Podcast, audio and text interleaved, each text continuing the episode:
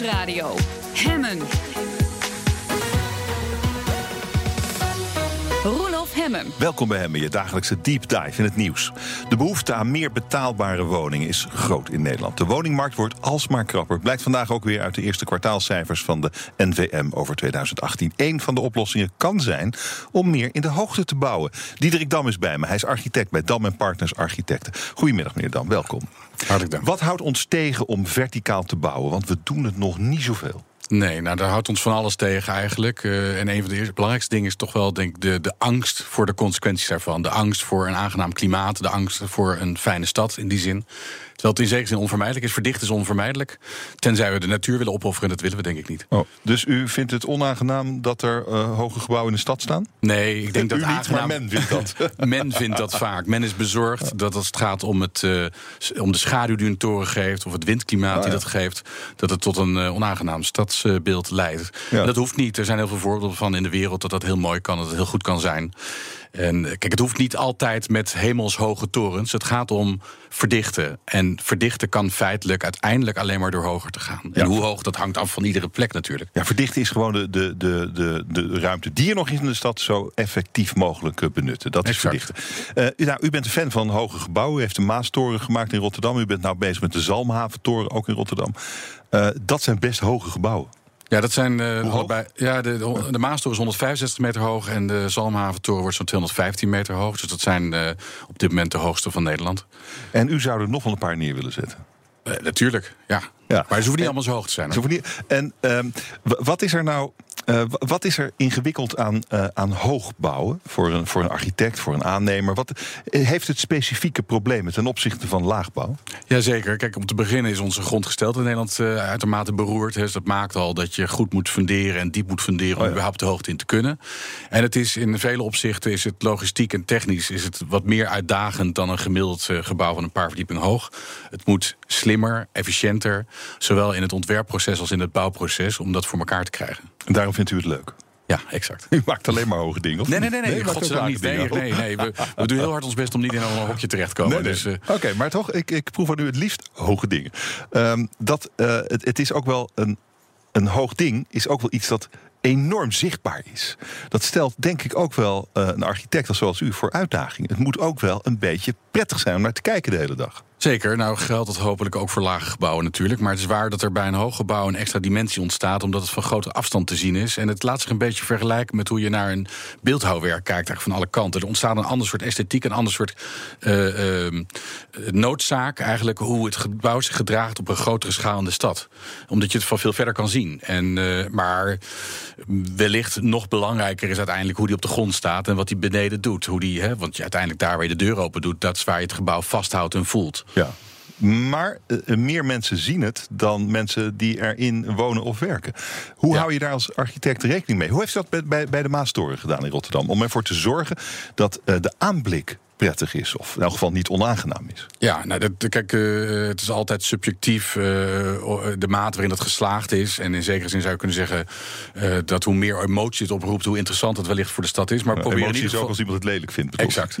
Ja. maar we proberen in ieder geval met al onze projecten, met, vooral ook met hogere gebouwen, duiding te geven aan de plek waar het staat. Dus ik vind dat het gebouw nadrukkelijk uit moet stralen in overdrachtelijke zin waar het staat. En de Maastoren bijvoorbeeld staat in de rivier, in de Nieuwe Maas is hij gebouwd.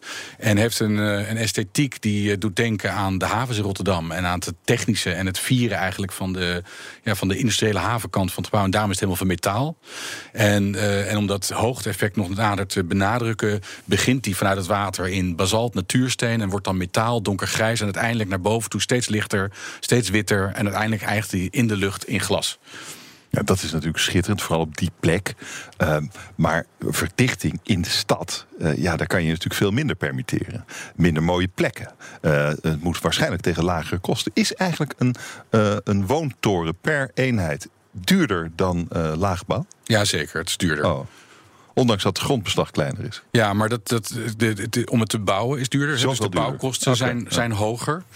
Maar normaal gesproken zou dat, uh, tenminste als, als de methodiek, eigenlijk hoe met name uh, grondwaardes worden bepaald, anders zou zijn, zou dat moeten compenseren. Dus bij een normaal gesproken in het buitenland, dan blijft de grondwaarde gelijk. En als je dan hoger maakt, dan wordt de gemiddelde grondwaarde onder een appartement wordt lager.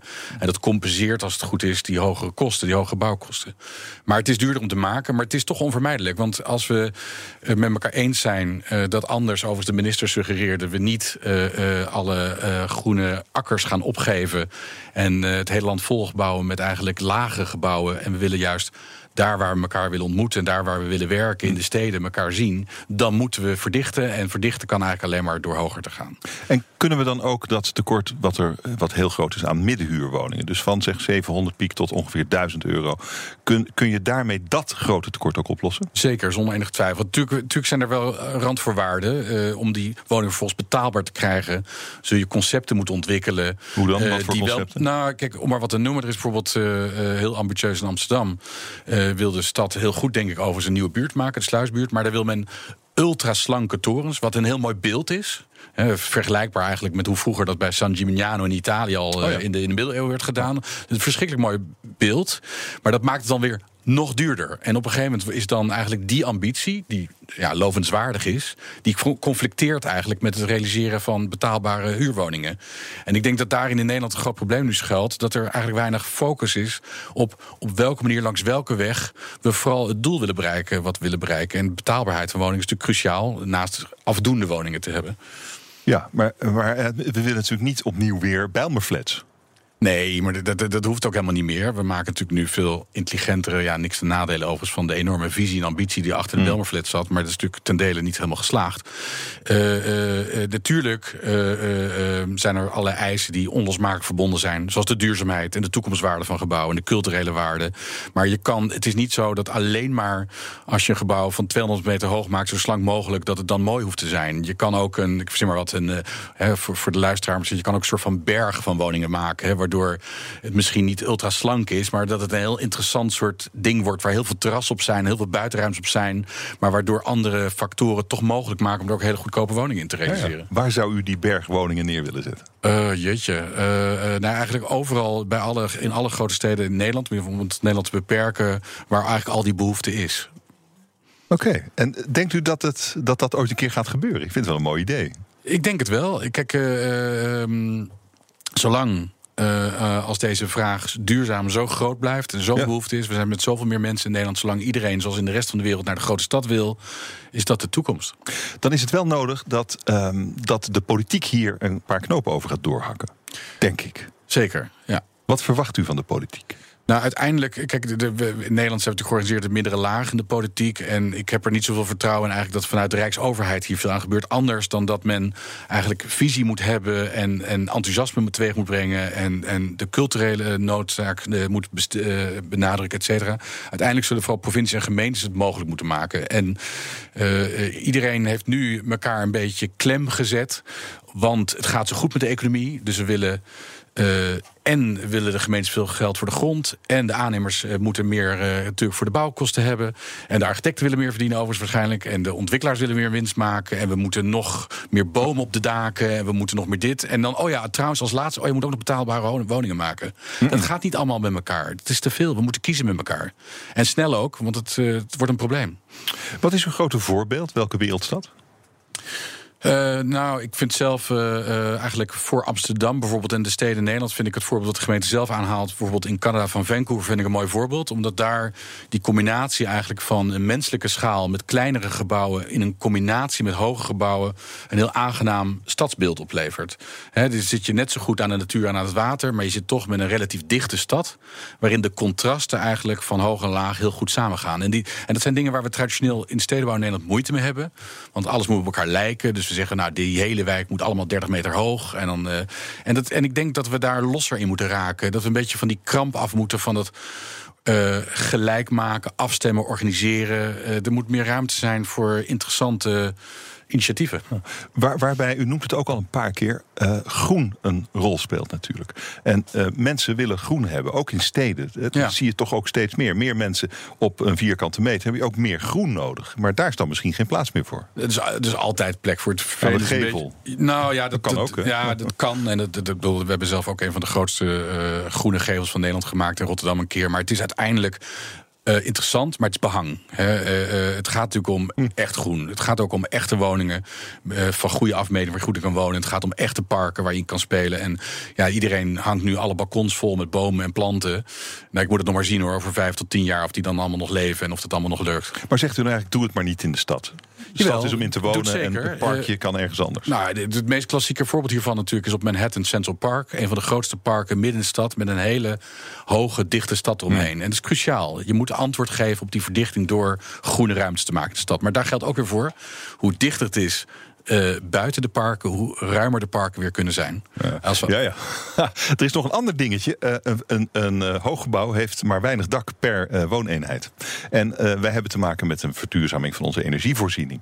Dat kan op een dak perfect, maar niet als je heel veel woningen onder een klein dak hebt. Dat klopt, dat is complex. alhoewel het, het Nederlandse idee eigenlijk om zo decentraal onze energievraagstukken op te lossen vermoedelijk niet duurzaam genoeg is. Het is in ieder geval hm. nu al duidelijk dat bijvoorbeeld decentraal wind windmolens op daken, dat is voor de bühne, dat doet niks. Die moet je centraal organiseren. En uh, we doen inderdaad momenteel, om alle doelstelling te halen, heel veel zonnecellen, PV-cellen heet dat dan in jargon, op daken. En dat is met een toren moeilijk. Uh, maar dat zal ook op andere plekken moeten. Het zal decentraal moeten. Er zal hm. een uh, ja, internationale visie in die zin op energieopwekking moeten ontstaan. Dank u wel voor dit gesprek. Architect Diederik Dam, dank. BNR Nieuwsradio.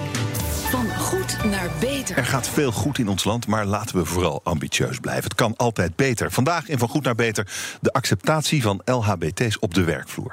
Mijn gast is bijzonder hoogleraar inclusie van lesbische, homoseksuele, biseksuele en transgender werknemers. Jojanneke van der Toorn. Welkom, goedemiddag. Dank u wel.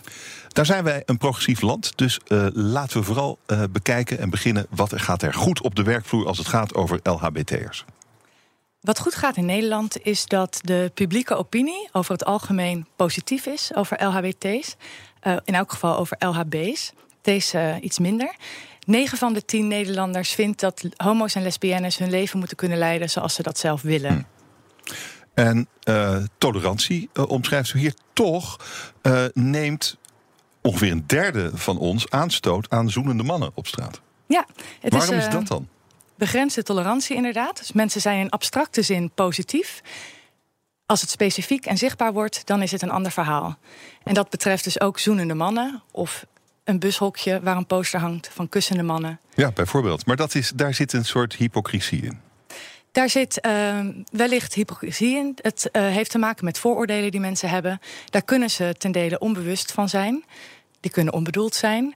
Dus het hoeft niet uh, per se zo te zijn dat mensen expres hun gedachten voor zich houden. Um, maar uh, ja, vooroordelen hebben we allemaal. Ja, maar dan zijn we dus helemaal niet zo tolerant. Nee, die tolerantie valt nee, dus wel mee. We, we, geven het sociaal wenselijke antwoord. Als, als we geënquêteerd worden. Is dat, dat hier niet We willen misschien heel graag geen ah, vooroordelen hebben. Ja, ja. Dus het is eigenlijk uh, erger dan u zo even schetste. Ja, dus als je kijkt naar de wet, dan is dat hmm. redelijk geregeld in Nederland. Als je kijkt naar de publieke opinie, dan is die in abstracte zin positief. Maar kijk je naar de ervaring van LBT zelf, waaronder op de werkvloer, maar ook verder in de samenleving, dan is die een stuk minder goed. Laten we kijken naar de werkvloer. Uh, want daar gaat uw onderzoek natuurlijk over. Uh, wat, wat ziet u gebeuren op de werkvloer met deze groepen? Ja, nou wat we weten, uh, onder andere uit cijfers van het SCP, is dat LHBT'ers op de werkvloer veel meer burn-out klachten rapporteren, minder goed in hun vel zitten meer intimidatie, pestgedrag ervaren. Dus daar is nog wel wat te verbeteren. Allemaal? Of ziet u verschillen per uh, categorie? De transgender werknemers die zijn er eigenlijk het slechtste, komen er het slechtst van af. Die komen namelijk sowieso al lastiger aan het werk. Vergeleken met de rest van de Nederlandse bevolking. En op het werk hebben ze het ook moeilijk. Niet alle LHBT's hebben het moeilijk op het werk. Maar vergeleken met andere Nederlanders is het zo positief nog niet. Hoe komt dat? Dat komt uh, door bijvoorbeeld een werkvloer waar grappen gemaakt worden over homo's. Waar werknemers. Nee, over transgenders bedoel ik. Oh, sorry. Nou, hetzelfde. Waar grappen gemaakt worden over, over transgenders. transgenders. Ja. um, maar waarom. Waar, ja, maar u zegt het, zij hebben het het moeilijkst van al die categorieën. Waarom dan specifiek? Wat, hoe komt dat? Waarom is dat? Dat transgenders het meeste last hebben? Nou, wat uit de wetenschap uh, lijkt uh, voor te komen, is dat mensen vooral heel ongemakkelijk worden van afwijkingen van gendernormen. Dus als mensen zich niet houden aan de rollen die wij hebben bedacht voor mannen en vrouwen, mannelijke en vrouwelijke rollen, dat dat uh, ons ongemakkelijk doet voelen. Hm. En transgenders hmm. gaan daar het sterkst tegenin. Over homo's hebben we ook vooroordelen. Denken we ook dat ze vrouwelijk zijn over het algemeen en dat lesbiennes mannelijk zijn. Maar transgenders gaan natuurlijk heel expliciet spelen met gender. Dus dat wijkt af. En zijn het dan mensen die, die, die de meeste problemen hebben? Zijn dat dan transgenders die uh, een geslachtsverandering hebben ondergaan en dan eerst vrouw waren en dan terugkomen op hun werk als man? Is dat waar de grootste problemen ehm, ontstaan of is het sowieso? Nee, het is sowieso. Want ook diegenen hmm. die uh, zich anders voelen dan hoe anderen denken dat ze zijn, die uh, dus in de kast blijven zitten, hebben daar heel erg veel last van. Het gaat gepaard met angst, depressie, allerlei klachten. En uh, vaak is het zo dat degenen die uit de kast komen en een seksenverandering ondergaan, bijvoorbeeld, dat die. Uh, dat het wel soms wel meevalt hoe anderen daarop reageren. Dus het ergste is als het als, als je het bij jezelf houdt eigenlijk, als je niet uit de kast komt. Ja, dat heeft eigen uh, uitdagingen, inderdaad. Wat bedoelt u met eigen uitdagingen? Nou ja, dat zijn weer andere uitdagingen. Dus het uit de kast komen heeft nadelen, omdat je daarmee discriminatie kan uitlokken en mensen dan dus weten wie je bent. Ja. Ja. Uh, in de kast blijven heeft nadelen, omdat je dan de hele tijd erover na moet denken. Wat weten anderen over mij? Komen ze hierachter? Um, dus... en, en, je wordt natuurlijk de hele tijd geconfronteerd met al die grappen die, uh, die gemaakt worden, die, ja, die je hoort. Terwijl, die gaan eigenlijk over jou, alleen dat weet niemand. Ja. Oké, dat is dan nog wel een beetje per ongeluk op de werkvloer. Ja, dat kan dus onbedoeld zijn, inderdaad. Ja, want die grappen, die foute grappen, die kennen we allemaal natuurlijk. Ja. Maar ik denk niet dat uh, dat, dat nou iedereen per se iemand anders wil kwetsen. Nee, en ik denk als mensen uh, begrijpen hoe anderen zich voelen en daar, daar zich in kunnen verplaatsen, dus empathie kunnen opbrengen, dat dat al uh, een stap is. En dat blijkt ook uit onderzoek. Dat contact tussen bijvoorbeeld lesbiennes en heteroseksuele vrouwen, dat dat niet per se een betere verstandhouding oplevert, maar als er empathie gecreëerd wordt, dat dat helpt. Hoe moet je dat doen? Um, Laten we eerst eens vanuit de rol van collega en werkgever bekijken. Hoe je omgaat met LHBT'ers op de werkvloer die, uh, nou ja, die problemen hebben. Ja, ik denk dat uh, bewustwording belangrijk is. En daar is een eerste stap dat mensen moeten snappen dat ook genderidentiteit en seksuele oriëntatie ruimte nodig hebben op het werk. En dat is iets dat heel veel mensen niet begrijpen. Dus uh, dat idee van hè, waarom moeten we het hebben over seks? Dat soort vragen krijg ik dan. Um, of wat maakt mij het nou uit dat mijn baas liever een man zou zijn? Uh, hè, dat moet ze zelf weten. Dat soort uitingen. Dat zijn op zichzelf wel goede vragen. Wat, ja. je, je, kunt best zeggen, wat maakt het mij uit? Ja. Of uh, kan mij schelen wat jij voor voorkeur hebt uh, tussen de lakens? Who cares? Ja, ik snap dat maar mensen waar, waar, zich dat afvragen. En, en, en waarom is dat dan toch niet goed? Omdat heteroseksualiteit wel iets is dat we constant met elkaar delen eigenlijk. Als ik iets vertel over mijn man bijvoorbeeld, dan weet jij dat ik een man heb en dus heteroseksueel ben. Dan hebben we het niet over seks, maar dan hebben we het over mijn relatie. Maar daarmee oh, vertel ik jou iets. Ja. En ah, ah. op het werk delen we heel veel met elkaar. Uh, de privéverhalen, onze zorgen, wat we het weekend hebben gedaan, waar we naartoe op vakantie willen, met wie. Dat zijn allemaal dingen die we met elkaar delen en wat ook een functie heeft. Omdat we daarmee ja, een bepaalde goodwill creëren, een gunfactor.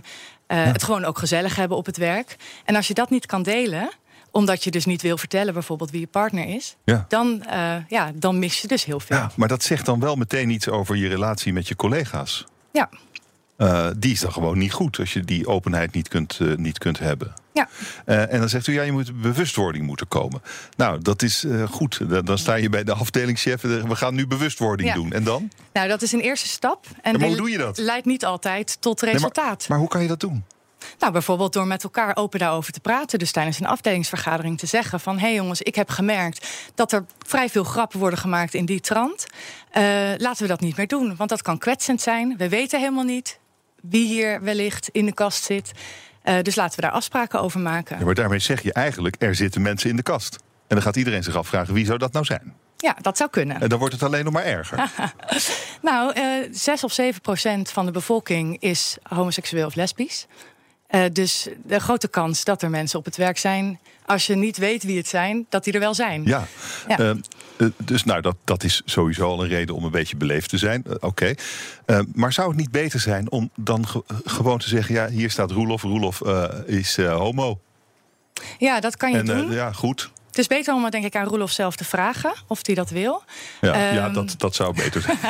Want dat is ook iets dat mensen veel doen. Hè? Dat ze dan juist het heel erg gaan benadrukken dat iemand homose homoseksueel, lesbisch, transgender is. Uh -uh. Uh, terwijl uh, dat aan iemand individueel is om dat te bepalen. Ja, maar eigenlijk is dat goed, hè? Uh, want dan, dan weet iedereen gewoon... Uh, ja, de, de, hij is homo, zij is lesbisch, transgender. Allemaal. Als je het weet, dan is het helder en duidelijk. En dan kun je met die, uh, met dat, met die nieuwe informatie die over de identiteit van je collega... kun je je relatie opnieuw vormgeven. Dat is toch eigenlijk veel simpeler dan... Uh, eromheen draaien? Dat, uh, ja, dat denk ik wel. Ja? En mensen die ja. uit de kast zijn, die voelen zich op het, over het algemeen ook beter op dus het werk. Dus dat is de oplossing, openheid. Dat moet je openheid, eigenlijk zien te bereiken. Maar tegelijkertijd uh, is alleen bewustwording niet voldoende. Want mensen kunnen zich natuurlijk ook een beetje uh, ja, bedreigd voelen. Dat ze denken, oh, nu moet ik de hele tijd opletten. En uh, goh, stel nou dat ik iets fout zeg.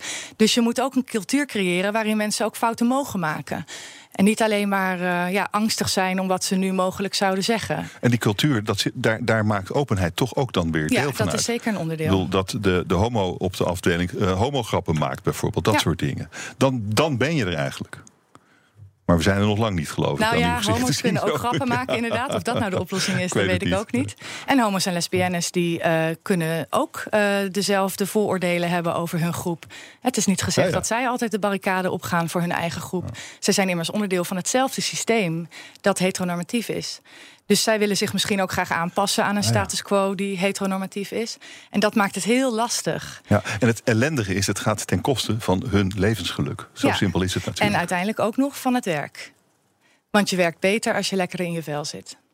Heeft u er uh, goede, goede hoop op dat dit uh, in orde komt? Ja, ik ben heel optimistisch. uh, ik denk uh, dat uh, die, die bewustwording dat die ten eerste heel belangrijk is. En uh, ten tweede denk ik dat heel veel bedrijven al hard aan de slag zijn om hier iets aan te doen. En daar ga ik met wetenschap nu ook aan bijdragen. Dank u wel voor dit gesprek. Jojanneke van der Toorn, bijzonder hoogleraar inclusie LHBT-werknemers. Dank u wel. BNR Nieuwsradio. Hemmen. Hemmen. Fijn dat je luistert naar Hemmen, je dagelijkse deep dive in het nieuws. Je kent misschien de Tamagotchi, de Jojo of de Furby van een tijdje geleden. Maar het speelgoed van nu is de Squishy. Na de Spinner en Pokémon Go is het de nieuwste speelgoedrage. Ik ga erover praten met Paul Sikkema, onderzoeker jeugdgedrag bij Curious. En Maurice Doorduin. Dus hier, hij is speelgoedontwerper bij Iconic of Iconic Toys. Uh, goedemiddag, heren, Ja, welkom. goedemiddag. Ik heb hier een Squishy in mijn handen. Het is een eh, soort, het, is een, het ziet eruit als een popcorn eh, dingetje vol met popcorn. En als ik erin knijp, dan kan ik hem helemaal fijn knijpen. En dan komt hij langzaam weer in zijn oude vorm terug. Dit is een rage. Ehm, waarom, meneer Sikkema, is dit een rage? Nou, het heeft uh, een aantal hele aantrekkelijke dingen voor kinderen. Het, het is zacht, het is gekleurd en. Um, nou, je hebt veel, heel veel verschillende soorten varianten. Maar wat het belangrijkste eigenlijk is, is dat, het, uh, dat heel veel kinderen het hebben. En uh, als het eenmaal bij iemand begint. Uh, en klassen gaan het allemaal omarmen, dan uh, zie je dat eigenlijk iedereen het wil hebben, ongeacht wat het is. Ja, ik heb hier nog een ander ding. Dat is een, uh, een, een spinner. Ja. Een fidget noemt u dat? Spinner. Fidget spinner. Fidget, oh, fidget spinner. Ja. Nou, daar kan je ook niks mee. Ja, daar kan je Nee. rondjes mee draaien. En ik heb, ik heb eh, meneer Doordaan van u net een autootje gekregen van hout. Ja, alsjeblieft. En daar kan je dus, ja, hartelijk dank. En daar kan je dus mee rijden. Ja, En dan eigenlijk- kan je spelen dat ja. je erin zit. En dat je ergens heen gaat en zo. Eh, wat is nou het verschil tussen, de, wat u betreft, tussen de squishy en dit autootje? Ja, wij maken dus duidelijk geen, eh, geen rage-artikelen. Eh, en en dat, is, het- dat is precies eigenlijk het eh, grote verschil. Wij proberen eigenlijk iets te maken wat juist zo lang mogelijk meegaat. En eh, wat eigenlijk niet tijdsgebonden is. En hoewel het hartstikke leuk is als we ook een rage kunnen veroorzaken. Maar dat is niet het ultieme doel. En dat is denk ik wel het geval met die squishy of de fidget spinner. Dat is puur bedoeld om, om een hele korte tijd zoveel mogelijk producten Oh overal neer te leggen. En dat iedereen daar in één keer mee speelt. Dus ik vraag me ook af hoe ze het doen. Dus ik wil er veel van leren.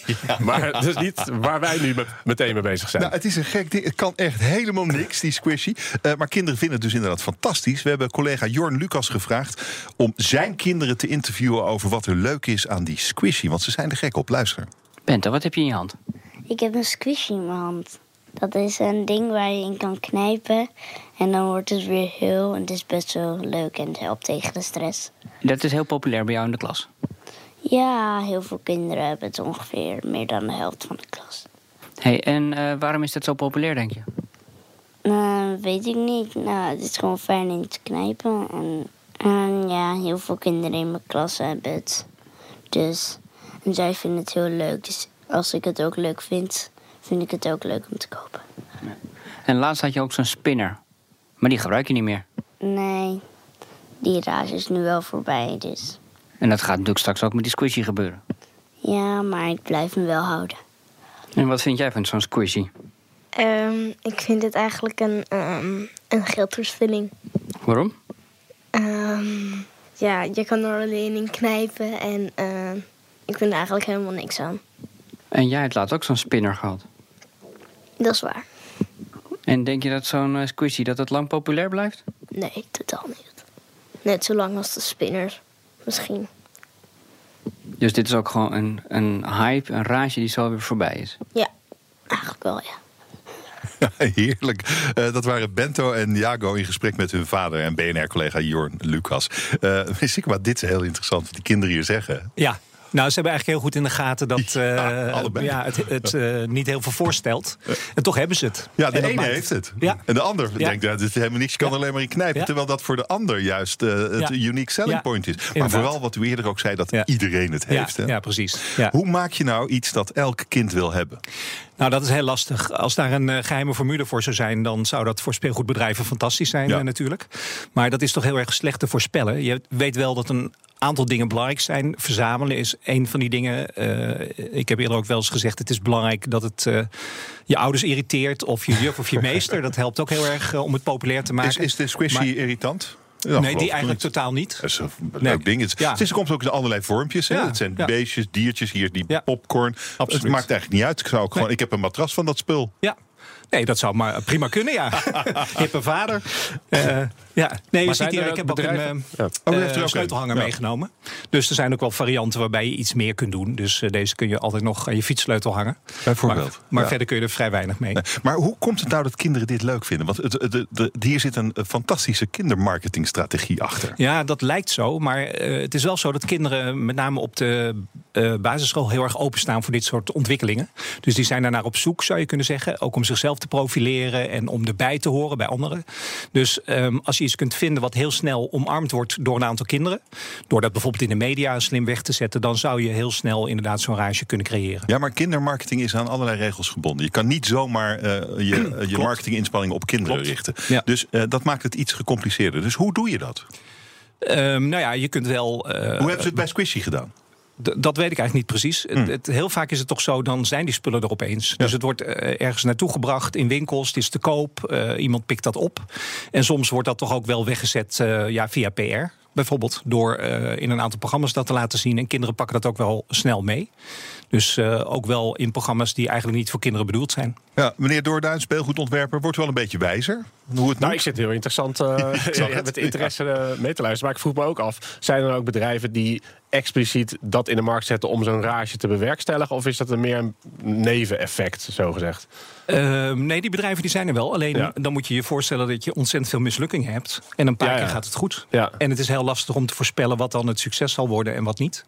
Maar tegenwoordig een aantal van die recente rages... die komen eigenlijk min of meer uit de lucht vallen. En die komen ook niet per se van hele grote speelgoedbedrijven. Als je bijvoorbeeld kijkt naar uh, Loom-bandjes... wat we nog niet hebben besproken... Oh ja. dan is dat eigenlijk ook opeens een succes. En dat is zijn niet die nog steeds uh, hip? Nee, maar wat daar wel een anders aan was dan aan die huidige uh, trends... is dat je er echt iets mee kon doen. Dus je kon er armbandjes mee maken. Je kon ja. er ja, persoonlijke dingetjes mee creëren. Dus de, de speelbaarheid is daarvan veel groter... dan van zo'n squishy of ja. van een fidget spinner. Ik heb dat ding in mijn, in mijn hand. Ik ben me er opeens van bewust dat ik er toch heel de tijd in zit te knijpen. En dat is eigenlijk best, dat is, is best de... een lekker dingetje om in te knijpen eigenlijk. Ja. ja. het lijkt me wel heel lastig. Lekkerder om, dan dat autootje ja, van ja, ja, ja, ja. Ja, die gaat wel wat langer mee, denk ik. Dat denk ik maar ook wel. ehm, het, het lijkt me ook wel heel lastig als je... Want met die loombandjes ook, als ik nou een, een houten eh, ontwerpje maak... en nou, ik ben niet van een grote zoals eh, de, de Hasbro's en de Mattels van deze wereld... Ja, die gaan er dan ook misschien mee, mee aan de haal. Dan heb ik al die, die inspanning geleverd. Dus volgens mij is het bij die loombandjes precies hetzelfde. Ja, is het niet te beschermen? Dat is heel lastig. Ja, In de praktijk, ja, je kunt het snel namaken. Als je op grote speelgoedbeurzen komt, dan zie je dat daar ook al meteen Chinezen zijn om alle ideeën die er zijn ook meteen weer eh, zelf te produceren. U, u was, meneer Sikkema, betrokken bij de introductie van de Furby. Hè? Ja. Ja, dat Dat al heel lang geleden. geleden, ja. Ja. Wat is wanneer was dat nou precies? Nou, Ja, ik denk dat dat wel eh nou, 15, 15 geleden? of 20 jaar geleden was. wel, ja. Dat, die Furby, dat was eigenlijk dat was een, eh, eh, allerlei soorten verschillende figuurtjes, ongeveer nou, 20, 25 centimeter hoog. En die maakten geluid. Ja. Je kon ermee praten, zij konden praten. Ja. Je kon ze eten geven. Er waren allerlei Oh ja, dingen die je ja. kon doen met die eh, beesten. Waanzinnig populair. Wat heeft u gedaan destijds om ervoor te zorgen dat ze zo populair werden? Nou goed, eh, dat hebben we natuurlijk gedaan samen met de speelgoedfabrikant. Maar ehm, dat is in ieder geval eh, op heel veel plekken neergezet en weggezet. En we hebben veel aan PR gedaan. Dus we hebben veel laten zien dat die eh beestjes leuk zijn. En dat ze er zijn en hoe ze werken. En dat je met ze kunt interacteren. En op welk moment wisten jullie van, ah, dit wordt hem echt, dit wordt een knallende hit? Nee, dat is heel lastig om dat te voorspellen. Dat, dat, ja, maar op een gegeven moment zie je het. Ja, ja. nou, dat, dat, eh, volgens mij was dat destijds in een periode rond Sinterklaas. En eh, ja, op een gegeven moment zie je dan heel snel dat de verkopen heel snel gaan toenemen. En dat eh, winkels out of stock raken. Dat wil zeggen dat er dus onvoldoende spullen zijn. Dat is nu met die fidget spinners trouwens ook. Die, die zijn ook moeilijk meer te krijgen. En dat is dus ook een, een reden voor succes. Want dan ziet iedereen ook van... hé, hey, blijkbaar heeft iedereen dat. Ik moet dat ook hebben. Die Furby was hartstikke duur. Die kostte 100 piek of zo. Ja. Euro's. Nee, guldens. 100 gulden 100 destijds. gulden. Ja, Veel. Ja, ja, ja, en toch was dat voor veel mensen geen probleem. Want ja, als je Nee. kind erbij moet horen, ja, dan, dan heb je er Dan wel wat voor over. Ontkom je daar niet aan. Maar Nee. hoeveel geld eh, hebben jullie destijds verdiend met die Furbies? Nou, dat is dan het speelgoedbedrijf dat Ja. dat uiteindelijk maakt. Maar ehm, ja, daar worden er heel veel van verkocht. En eh, om hoeveel geld dat gaat, dat weet ik niet precies. Maar eh, dat loopt eh, toch wel in de forse bedragen. Ik het ook wel, ja. Je die autootjes van nu. Ja, ik, ik, autootjes, ja, ik ben natuurlijk oud, dus ik speelde vroeger met autootjes. Ik vind autootjes leuk. Ehm, maar waarom maakt u nog steeds autootjes? Ehm, nou, ik was eigenlijk geïnspireerd door eh, mijn zoontje... die ehm, eh, ineens weer met mijn oude houten speelgoed speelde... wat mijn moeder al die tijd bewaard had. Want dat is met houten speelgoed. Hè. Mensen gaat het niet niet weg. kapot. Nee, gaat niet nee. kapot. Je kan het zelfs repareren als je wil. En toen dacht ik van, ja, als ontwerper... kijk, als je degene die dat ontworpen heeft... dat is mooi, want er wordt nog steeds mee gespeeld... 30 jaar na dato. Heeft een soort eh, eeuwigheidswaarde. Zeker. En ik dacht, ja, dat is eigenlijk eh, hartstikke mooi. En je Ja, kan daar hele mooie producten mee maken. Toen ben ik gaan kijken wat er allemaal al was. Ik denk, nou, ik kan daar wel iets aan toevoegen, denk ik. Dus ehm, daar is wat, het voegt wat voegt u eraan toe? Ik vond ehm, eh, toen in het aanbod, en eigenlijk nog steeds wel... Dat, het, ehm, dat die kinderen niet echt serieus genomen worden. Het is heel veel met fantasie en eh, stoomlocomotieven. Nou, die rijden niet meer. Dus eh, mijn eerste lijn van producten... ehm, was dan ook, waren dan ook producten die dan meer op de werkelijkheid waren gebaseerd. Dus een, een hoge snelheidstrein, een Nederlandse spoorwegentrein. Oh, dat is ja, in hele Want dat moderne vond ik vroeger vond ik Ja. zelf als kind hartstikke leuk. Dat je dus echt wat je buiten op straat zag, dat je Oh, dat ja. na kon spelen. En er zijn natuurlijk ook kinderen die dan misschien meer dat leuk vinden. Want daar eh, deze, deze auto's, want die zijn niet ingevuld. En Nee. daar kun je je eigen fantasie weer op loslaten. Nee, dus dat doen we ook. Dus met de oervorm van de auto, een beetje vierkant. Eh, maar oké, dus dat is wat u eraan toevoegt, eigentijdsheid eigenlijk. Op een Nou, heel in die lijn wel. En in ja. deze lijn werken we dan samen met de Floris Hovers, een ontwerper die eh, ook interieurobjecten maakt. En die vindt juist van, nou, die kinderen moeten hun eigen fantasie op eh, de, het speelgoed los kunnen laten. Dus die laat het eigenlijk zo leeg mogelijk om. eh, maar dat is een andere doelgroep, een andere insteek. Maar dat waardeer ik ook heel erg. En het, ja, de kleurgebruik en de vormen zijn onwijs mooi die hij gemaakt heeft. Dus dat eh, vind ik ook hartstikke top. We zijn aan het praten over eh, speelgoed, rages op speelgoedgebied. En de Squishy, dat is de laatste speelgoedhit. Het is een stu- stukje traagschuim waar je lekker in kan knijpen. Het heeft allerlei vormpjes, het is hartstikke leuk. Eh, Paul Sikkema is bij mij, hij is onderzoeker jeugdgedrag bij Curious. En Maurice Doorduin, speelgoedontwerper bij Iconic Toys. Eh, wat zou dit dingetje wat ik hier in mijn handen heb kosten? Wat, wat, weten jullie dat? Ja. Ik heb, net, eh, ik heb, er net een gekocht voor 3,5 euro. 3,5 En je euro. ziet ook pakketjes van eh 5 euro, 6 euro. Soms zijn er dan een paar gecombineerd. Ik denk Dus dat, deze Squishy ongeveer eh, een 5 cent kost om te maken. Ja, Ergens in kunnen. China. Ja, ja, dus er zit Dat een zijn marges, hè? Dat zijn marges. En die, eh, die auto's eh, van u, meneer Doorduin. Wat, wat kost deze auto bijvoorbeeld? Of, zo- of misschien, ja, waar mag ik hem mee vergelijken? Met een, met een spinner of met een squishy? Wat? Ja, nou ja, het laat zich denk ik lastig vergelijken. Maar ehm, eh, wij hebben verschillende collecties, waaronder eh, houten speelgoed die eh, op de treinrails kan. Dat de meeste Hmm. mensen wel in huis hebben. Dus dat is, dat is deze lijn. Daar liggen de, de prijzen, ja, wat mensen gewend zijn van houten treinbanen. Dus een, een, een set met huisjes en rails voor ongeveer 30, eh, 35 euro. We hebben een lijn ehm, samen met Floris Hovers ontworpen. Een, eh, een zes auto's. Dat is een, eh, een Dutch designer die eh, ook interieurobjecten ontwerpt. En daar verschillen de prijzen van 22,50 euro van het autootje wat u daar heeft. tot 22,50. Tot 38,50 voor de grootste. Maar ja, dat zit weer midden tussen speelgoed en designobject in. Ja, maar dit koop je dan eigenlijk misschien... Zo, oh, ik hou nu het autootje omhoog. Dit koop je dan misschien nog voor- meer voor jezelf dan voor je kind? Ja, dat, ja. ja, dat, dat, Ja, hè? dat- daar mikken we ook wel een beetje op. Eh, maar ook wel voor mensen die dat ook nog leuk vinden om in hun interieur te hebben. Want eh, heel veel speelgoed is eh, nou, niet heel erg fraai voor in je interieur. Nou, als dat dan rondslingert, dan, is dan misschien eh, werkt het nog een beetje mee. En Zo dat gaat het. misschien ook niet in de speelgoedkist, maar dan krijg je misschien een mooi plekje op de, op de plank, waardoor kinderen het misschien ook weer sneller pakken. Ja, want dit heeft natuurlijk, dit, we hadden het al eerder over, dit heeft eeuwigheidswaarde. Dit, ik hou nu de squishy omhoog, niet, denk ik. Nee. Of wel? Want het is wel zo, als, als ik mijn oude speelgoed kom, soms kom je tegen. Dat kennen jullie vast Ja, wel. Katawiki, Dan denk je, ja. oh wauw, Ja. ja. dit was... Ja, maar- dan- zou je dat met zo'n squishy ook hebben? Nou, ik betwijfel dat erg. Ik, ik denk dat ouders tegenwoordig een huis vol hebben met allemaal rotzooi, om het oneerbiedig te zeggen. Dat zijn ook die acties van die supermarkten. eh, dus alles wat je in de loop van de tijd gespaard hebt, dat blijft dan een aantal weken of een aantal maanden oké. En dan berg je dat ergens op. En eh, ik zie ook veel ouders die dat dan weer verkopen op eh, Koningsdag bijvoorbeeld. Ja. Dus ik, eh, het heeft een ander soort sentiment. Ja, Nou, het heeft, eh, zeker. Het, is, het, is, het heeft helemaal niet zoveel waarde meer. Het is vluchtig. Het is Totaal vluchtig. vluchtig. Die kinderen Ja. worden doorlopend gek gemaakt om Ja. ergens fan van te worden. Ja, dat klopt. Ja, Dat is toch eigenlijk slecht? Of niet? Ja, je ziet ook wel dat er ouders zijn die daar heel veel weerstand tegen hebben. Die dat ook proberen af te remmen. Je ziet ook wel bij supermarkten bijvoorbeeld dat die nu met wat serieuzere dingen komen. Zoals die moestuintjes. Hè, dus dat wordt wat maatschappelijk verantwoorder. En dat is sowieso wel een trend. Dat mensen toch meer gaan kijken naar eh, duurzaamheid van spullen. Nou, en daar past dit natuurlijk totaal niet bij. Maar goed, als je kind dit wil hebben, dan wil dat kind dat hebben. En dan krijgt dat kind het ook. Zo werkt dat in de praktijk ook. Ja. En Ja. moet je misschien ook gewoon doen. Doen, zeker, ja. Eigenlijk wel. Want anders zet je je kind toch weer apart. Of het kind moet zelf de beslissing nemen, zoals we net ook hoorden, om het niet te doen. Ja. Wat vindt u, meneer Doorduin? Het, eh, houten autootjes eh, of de squishy. Eh, zou- u uw kinderen ook een squishy geven? Ja, nou ja, mijn dochter was eh, vorige week jarig en eh, die, ehm, ja, die had er ook om gevraagd. Dus wij hebben ze nu ook. Ja. Ja, die ontkomt er niet aan. ja. Maar ik denk dat het ook wel leuk is hoor. Want ik vond het vroeger zelf ook leuk als er een rage was. En je was met het hele schoolplein was je hetzelfde aan het doen. Dus het heeft zeker een, een, een waarde. Je hebt daar ook wel leuke herinneringen je dan over. Ja. Op productniveau kan je je afvragen of de wereld zit te wachten op de- dat soort spullen.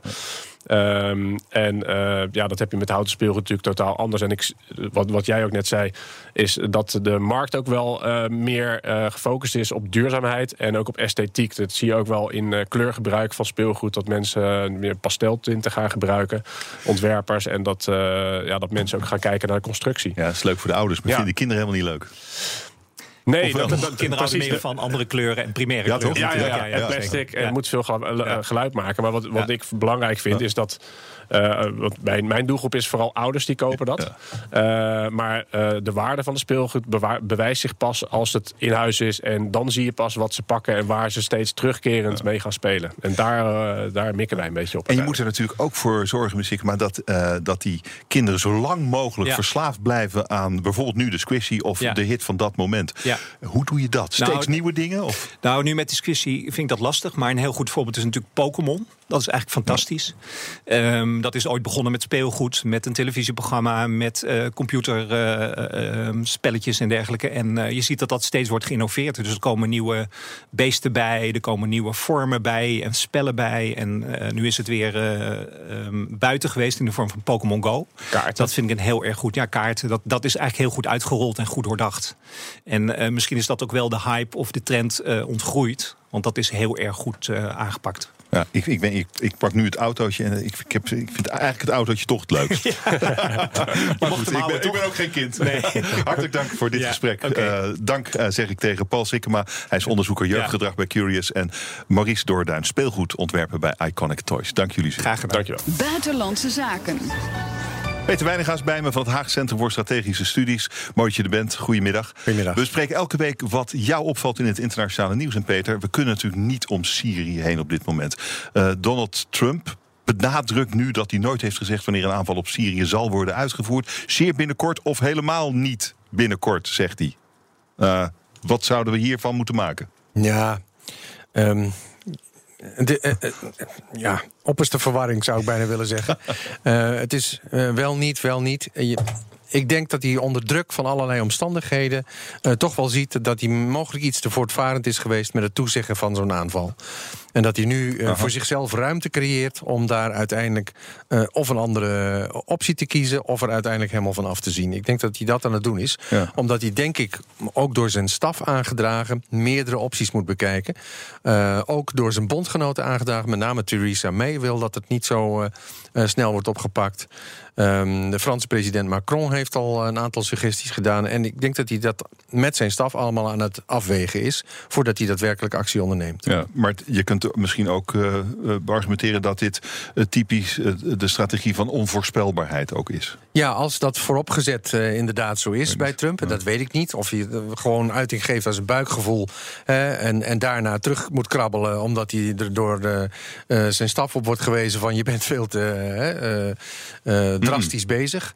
Uh, dat weet ik niet. Nee. Uh, wat zijn nu de opties? Wat, wat zijn, wat, wat zijn de, de paden die ze nu zouden kunnen, kunnen bewandelen? Frankrijk, ja. Groot-Brittannië en de Verenigde Staten in Syrië. Nou, waar iedereen op gefixt is, is natuurlijk de militaire opties. Hè, omdat hij ah. daar eigenlijk mee gedreigd heeft. Die raketten komen eraan, uh, twitterde hij gisteren nog. Dus uh, dat is waar iedereen uh, nu naar kijkt. En eigenlijk ook wel verwacht dat zal gebeuren. Maar waar met name anderen na meer nadruk op willen leggen... is ook de andere opties, bijvoorbeeld diplomatiek. Door toch met elkaar om de tafel te gaan zitten. En uh, ik denk dat hij juist met, met, met, die laatste tweet ook aangeeft van dat hij die ruimte inderdaad wil creëren. Hmm. Uh, om over andere alternatieve paden uh, na te denken. En wat zijn dan die alternatieven? Er is een afschuwelijke gifgasaanval ja. geweest. Die ja. moet vergolden worden. Dat ja. was, dat was het idee. Met elkaar om tafel gaan zitten. Ja. Nou ja, kijk, om tafel gaan zitten, dat zou met Rusland moeten zijn. Misschien ook wel Iran. Uh, Turkije. Uh, de Amerikanen hebben Turkije benaderd om eventueel deel te nemen aan een uh, eventuele actie. Dat is op zich wel opmerkelijk, omdat ze in Noord-Syrië eigenlijk tegenover elkaar staan. rond Afrin. Ja. maar, maar toch. Ehm, dus ik denk dat ze bezig zijn steun te verwerven, internationaal ook. om te kijken van als je nou met elkaar om de tafel gaat zitten, dan moet één ding duidelijk zijn de lui die deze aanval hebben gepleegd, moeten zich verantwoorden. Die moeten eventueel vervolgd worden, gestraft worden, et cetera, et cetera. Ik denk niet dat de Russen dat ooit zullen uh, toestaan. Uh, dat is ook een van de redenen dat ze in de Veiligheidsraad dat initiatief om een onafhankelijk onderzoek naar de schuldvraag uh, te laten uitvoeren hebben mm -hmm. gevetood. Dat gaat dus absoluut niet gebeuren. Dus ik denk dat dit een uiterste poging is om diplomatiek uh, de Russen en ook de Syriërs ter wille te zijn. En als het dan niet, uh, als dat ook wordt afgestopt, ja, dan blijft er eigenlijk nog maar één mogelijkheid open. Namelijk? Inderdaad, een, een militaire aanpak. Ja? ja? Hou je wel voor mogelijk? Ja, hou ik nog steeds voor mogelijk. Uh -uh. Hoe zou die eruit moeten zien? Um, ik denk dat het voornamelijk uit een aanval met, uh, met kruisvluchtwapens uh, zal bestaan. Um, er is op dit moment een vlootverband vanuit de Verenigde Staten onderweg naar het uh, oostelijk gedeelte, gedeelte van de Middellandse Zee. Dat is toch wel een kleine week varen, dus die zijn er nog niet. die hebben behoorlijk wat kruisvluchtwapens bij zich. Er zit wel een vliegdekschip bij, maar ik denk niet dat dat echt zal worden ingezet, of tenminste de vliegtuigen daarvan niet. Mm -hmm. Er bevindt zich al een vlootverband uh, verband in het Middellandse zeegebied. Die hebben al kruisvluchtwapens. Maar bij elkaar zou dat natuurlijk een enorme uh, capaciteit zijn... om een uitgebreide aanval, ja. denk ik, tegen meerdere doelen in Syrië uit te voeren. Maar, en dan, maar dan is de volgende vraag, wat zijn dan die doelen? Nou, een van de doelen, die uh, categoriedoelen, zeg maar, die bijvoorbeeld door de Franse president is gesuggereerd, is het uh, uitschakelen van de productiefaciliteiten voor chemische wapens. Uh, die zijn verspreid door Syrië. Dat maakt het een, uh, wel een uitdaging. Is het niet heel link om een gifgasfabriek te bombarderen? Um, dat ligt eraan welk deel je ervan uh, bombardeert. Uh, er zijn bepaalde elementen zeg maar, in, de, in de gifgasfabriek die je best wel kunt aanpakken, waardoor de, de fabriek niet meer operationeel is. Bijvoorbeeld de energievoorziening ervan.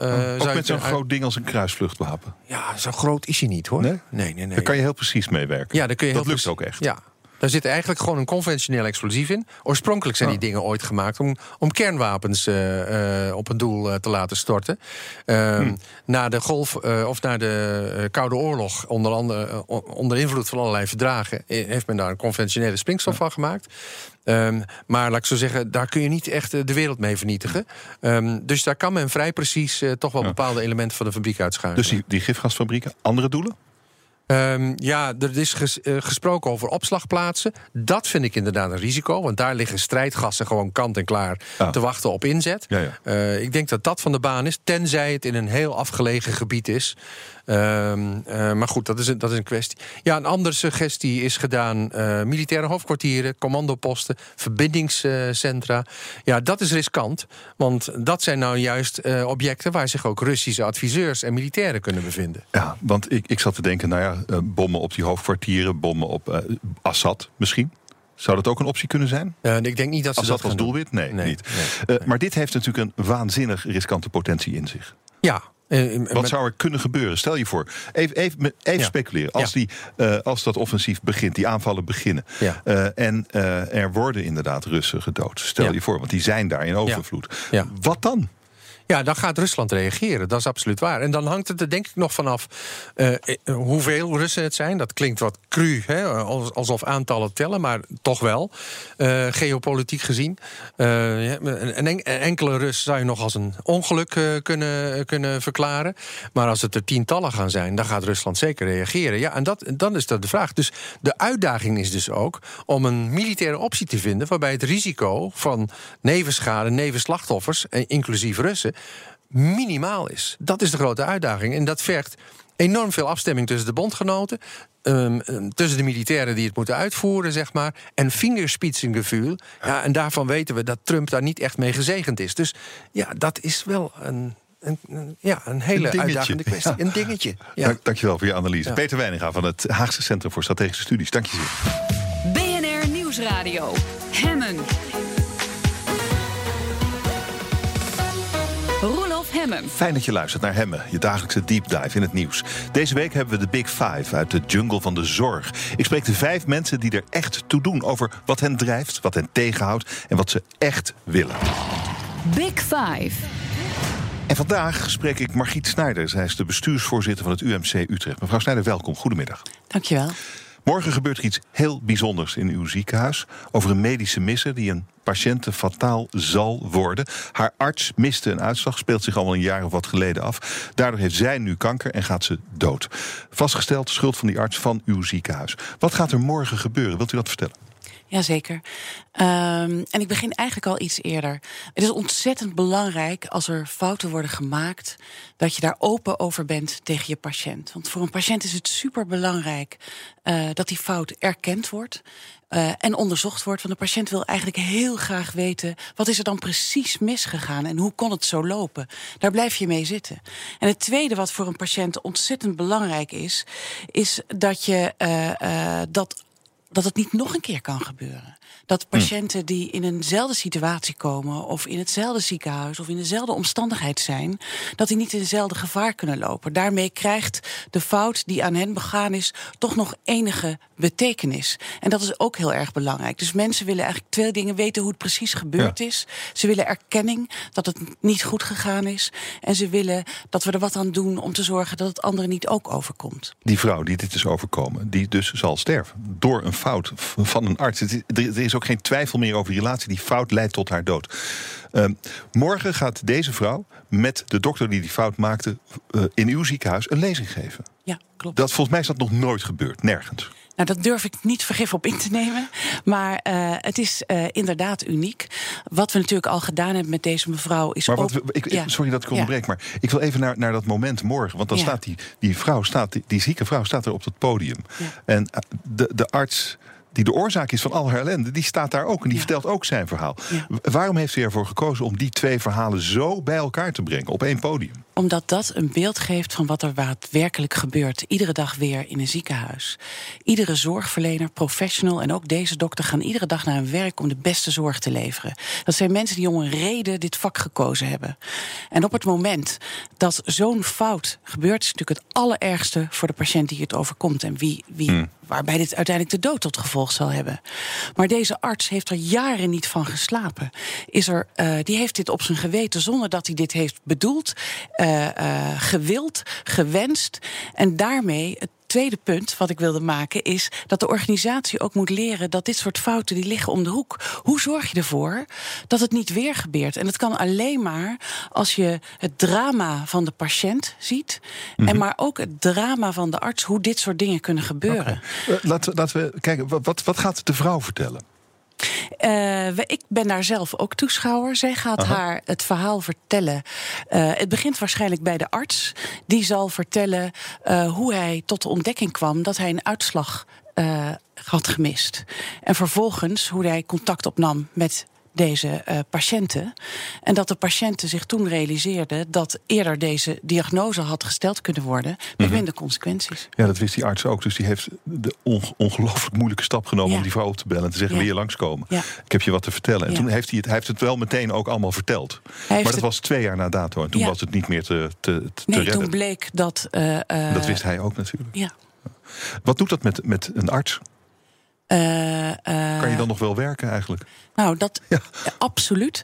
Eh, dat is een enorm probleem. Daar liggen ze nachten van wakker. Daar krijg je enorme schuldgevoel, zelfverwijt, het gevoel dat je geen goede dokter bent. Eh, het idee ook, eh, eh, daar heb je dus. Peer support, zoals wij dat moeten noemen. Daar heb je dus enorme steun van je collega's voor nodig. En ook vervolggesprekken, A met patiënt, maar ook met je collega's. Eh, niet van, ah joh, dat overkomt iedereen. God, wat raar, naar voor je. Maar ook echt bijna professionele steun over hoe ga je hiermee om. Want je hebt soms ook het gevoel om de handdoek maar in de ring te gooien. Omdat je denkt, ja, als ik in staat ben tot dit soort fouten. eh, en ja, dan zul je dus heel goed moeten analyseren. Hoe kan het zijn dat zo'n fout ontstaat? Ja. En vaak is het niet een individuele, individuele fout, maar het is ook het hele systeem. Hoe kan dat nu ontstaan? Hoe, hoe gebeurt zoiets? Nou, dat is destijds. U was toen nog niet de bestuursvoorzitter van het UMC. Maar dat is destijds natuurlijk helemaal uitgezocht. Eh, maar het ziekenhuis, heeft u ooit gezegd, eh, heeft eh, werkelijk alles fout gedaan. Wat zijn de belangrijkste lessen die u van dit incident heeft geleerd, die u nu toepast? Nou, heel belangrijk is één dat patiënten willen graag precies weten wat er gebeurt. En willen dat ook snel weten, dus eh, daar snelheid in maken. Twee is eh, dat de patiënt graag precies wil uitzoeken, maar als de systemen helemaal veranderd zijn en je hebt al een heleboel zaken gedaan, dat je dat mensen heel goed uitlegt eh, en daar ook de tijd voor neemt. Ik denk dat we ook tekortgeschoten zijn in het zorgvuldig volgen van deze patiënt en elke keer op de vragen en de problemen die zij had met alles ingaan, in plaats van we hebben het nu al tien keer uitgelegd, dat moet genoeg zijn. Dus patient support Nou, noemen wat, we dat. wat zij, ik heb eh, natuurlijk de interviews met haar gelezen eh, vanmorgen. En wat daaruit blijkt is dat zij voelde zich ontzettend in de steek gelaten Ja. door het ziekenhuis. Ja. Ondanks de actie van de arts en zo. Maar daarna werd het kil en koud. Er kwamen juristen de zaak afhandelen. Die boden haar geld, smarte geld, noem het allemaal maar op. Allemaal keurig geregeld. Maar kil en harteloos. Dat was De eigenlijk het menselijke maat, daar Dat gaat het, het, nu om. Ja. De menselijke maat. En dat noem ik patient support. Dat je niet alleen de dingen uitlegt, maar dat je elke keer weer terug gaat naar die patiënt. Eh, hoe ervaart u het nu? En als je het honderd keer moet uitleggen of ernaast moet gaan staan of praten, dan moet je dat honderd of duizend keer doen. Hm. Dat gaat er niet om, we hebben het nu uitgelegd, nou moet het maar goed genoeg zijn. En het tweede is, dat moet hetzelfde geldt voor die professional. Het gaat er niet om, we hebben met je gesproken en we hebben een ferme schouderklop gegeven en gezegd dat we het rot voor je vinden. Hm. Nee, dat heet peer support. Dat moet je blijven doen totdat diegene zegt: nee, nu is het genoeg. Of en in sommige gevallen, nu heb ik professionele hulp nodig. Mhm. Dus dat patient en peer support is super belangrijk. En ook, je vraagt ook wat hebben we nog meer geleerd. Ja. Dat zijn een aantal technische zaken. Hoe kun je nou voorkomen dat, Dat, je wil, dat zoiets is mijn mist? volgende vraag. Ja. Want eh, dat, dit, dit was de overgang tussen twee systemen... waarin de- deze hele belangrijke informatie over de toestand van die vrouw kwijtraakte. Ja. Kan zoiets nog een keer gebeuren? Eh, ja en nee. Ik hoop niet dat Ja. hetzelfde nog een keer gebeurt. Maar ja, dit soort fouten kunnen altijd gebeuren. En je probeert proactief elke keer bij de ontwerp van zaken alles eh, eh, te voorspellen en te voorkomen. En uh, de eerlijkheid gebied te zeggen dat we toch fouten maken. En vaak is dat een aaneenschakeling van een menselijke fout, een technische fout. Uh, Piet lette niet op, Marie was ziek, uh, de knop stond de verkeerde kant op. En dan krijg je zo'n cascade, komt heel zelden voor. En dan gaat alles mis. En dan zijn alle, alle vangnetten die eigenlijk moeten voorkomen dat iemand zegt: hé, hey, hey, wacht even, dat is niet goed gegaan. Die dan achter elkaar niet doorlopen en dan krijg je een calamiteit. Want als je ziet hoeveel handelingen er in een ziekenhuis zijn, mm dan zijn 30, 40 calamiteiten per jaar er 30, 40 te veel. Maar ze zijn er wel. Ja, ze zijn er. En, en u, u zegt eigenlijk dat kun je ook niet voorkomen. Je kunt dus, dus, ja. de, toch, dus waar het nu over gaat, is bijvoorbeeld wat u morgen gaat doen. Die arts die de fout maakt, de vrouw die daar het slachtoffer van is, bij elkaar op een podium zetten. Um, ten overstaan van, ik denk, uh, personeel uit uw ziekenhuis. Mm -hmm. Die daar dan allemaal iets van moeten leren. Ja. En het belangrijkste wat u vindt dat ze moeten meenemen, is dat je onmiddellijk openheid moet betrachten in de richting van de patiënt. Dat is vooral. Dat vooral. De, de, meer de, de, menselijke maat. Dat de is menselijke maat richting de patiënt en richting die collega. Uh, dat, dat is het allerbelangrijkste om openheid te kunnen blijven betrachten.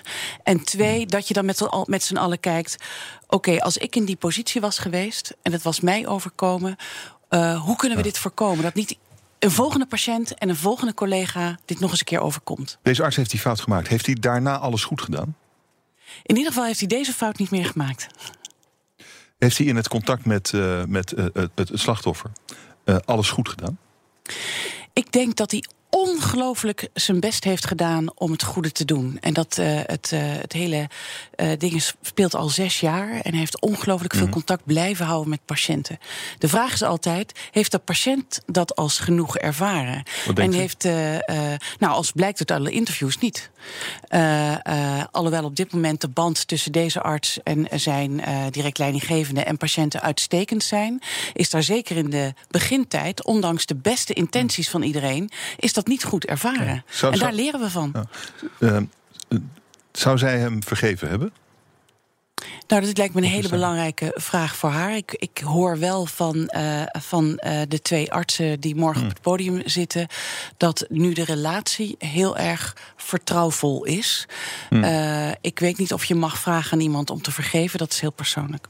Um, er, zijn, uh, er is veel geld uitgekeerd aan, uh, aan, aan, deze mevrouw en haar man. Ik geloof iets meer dan een half miljoen.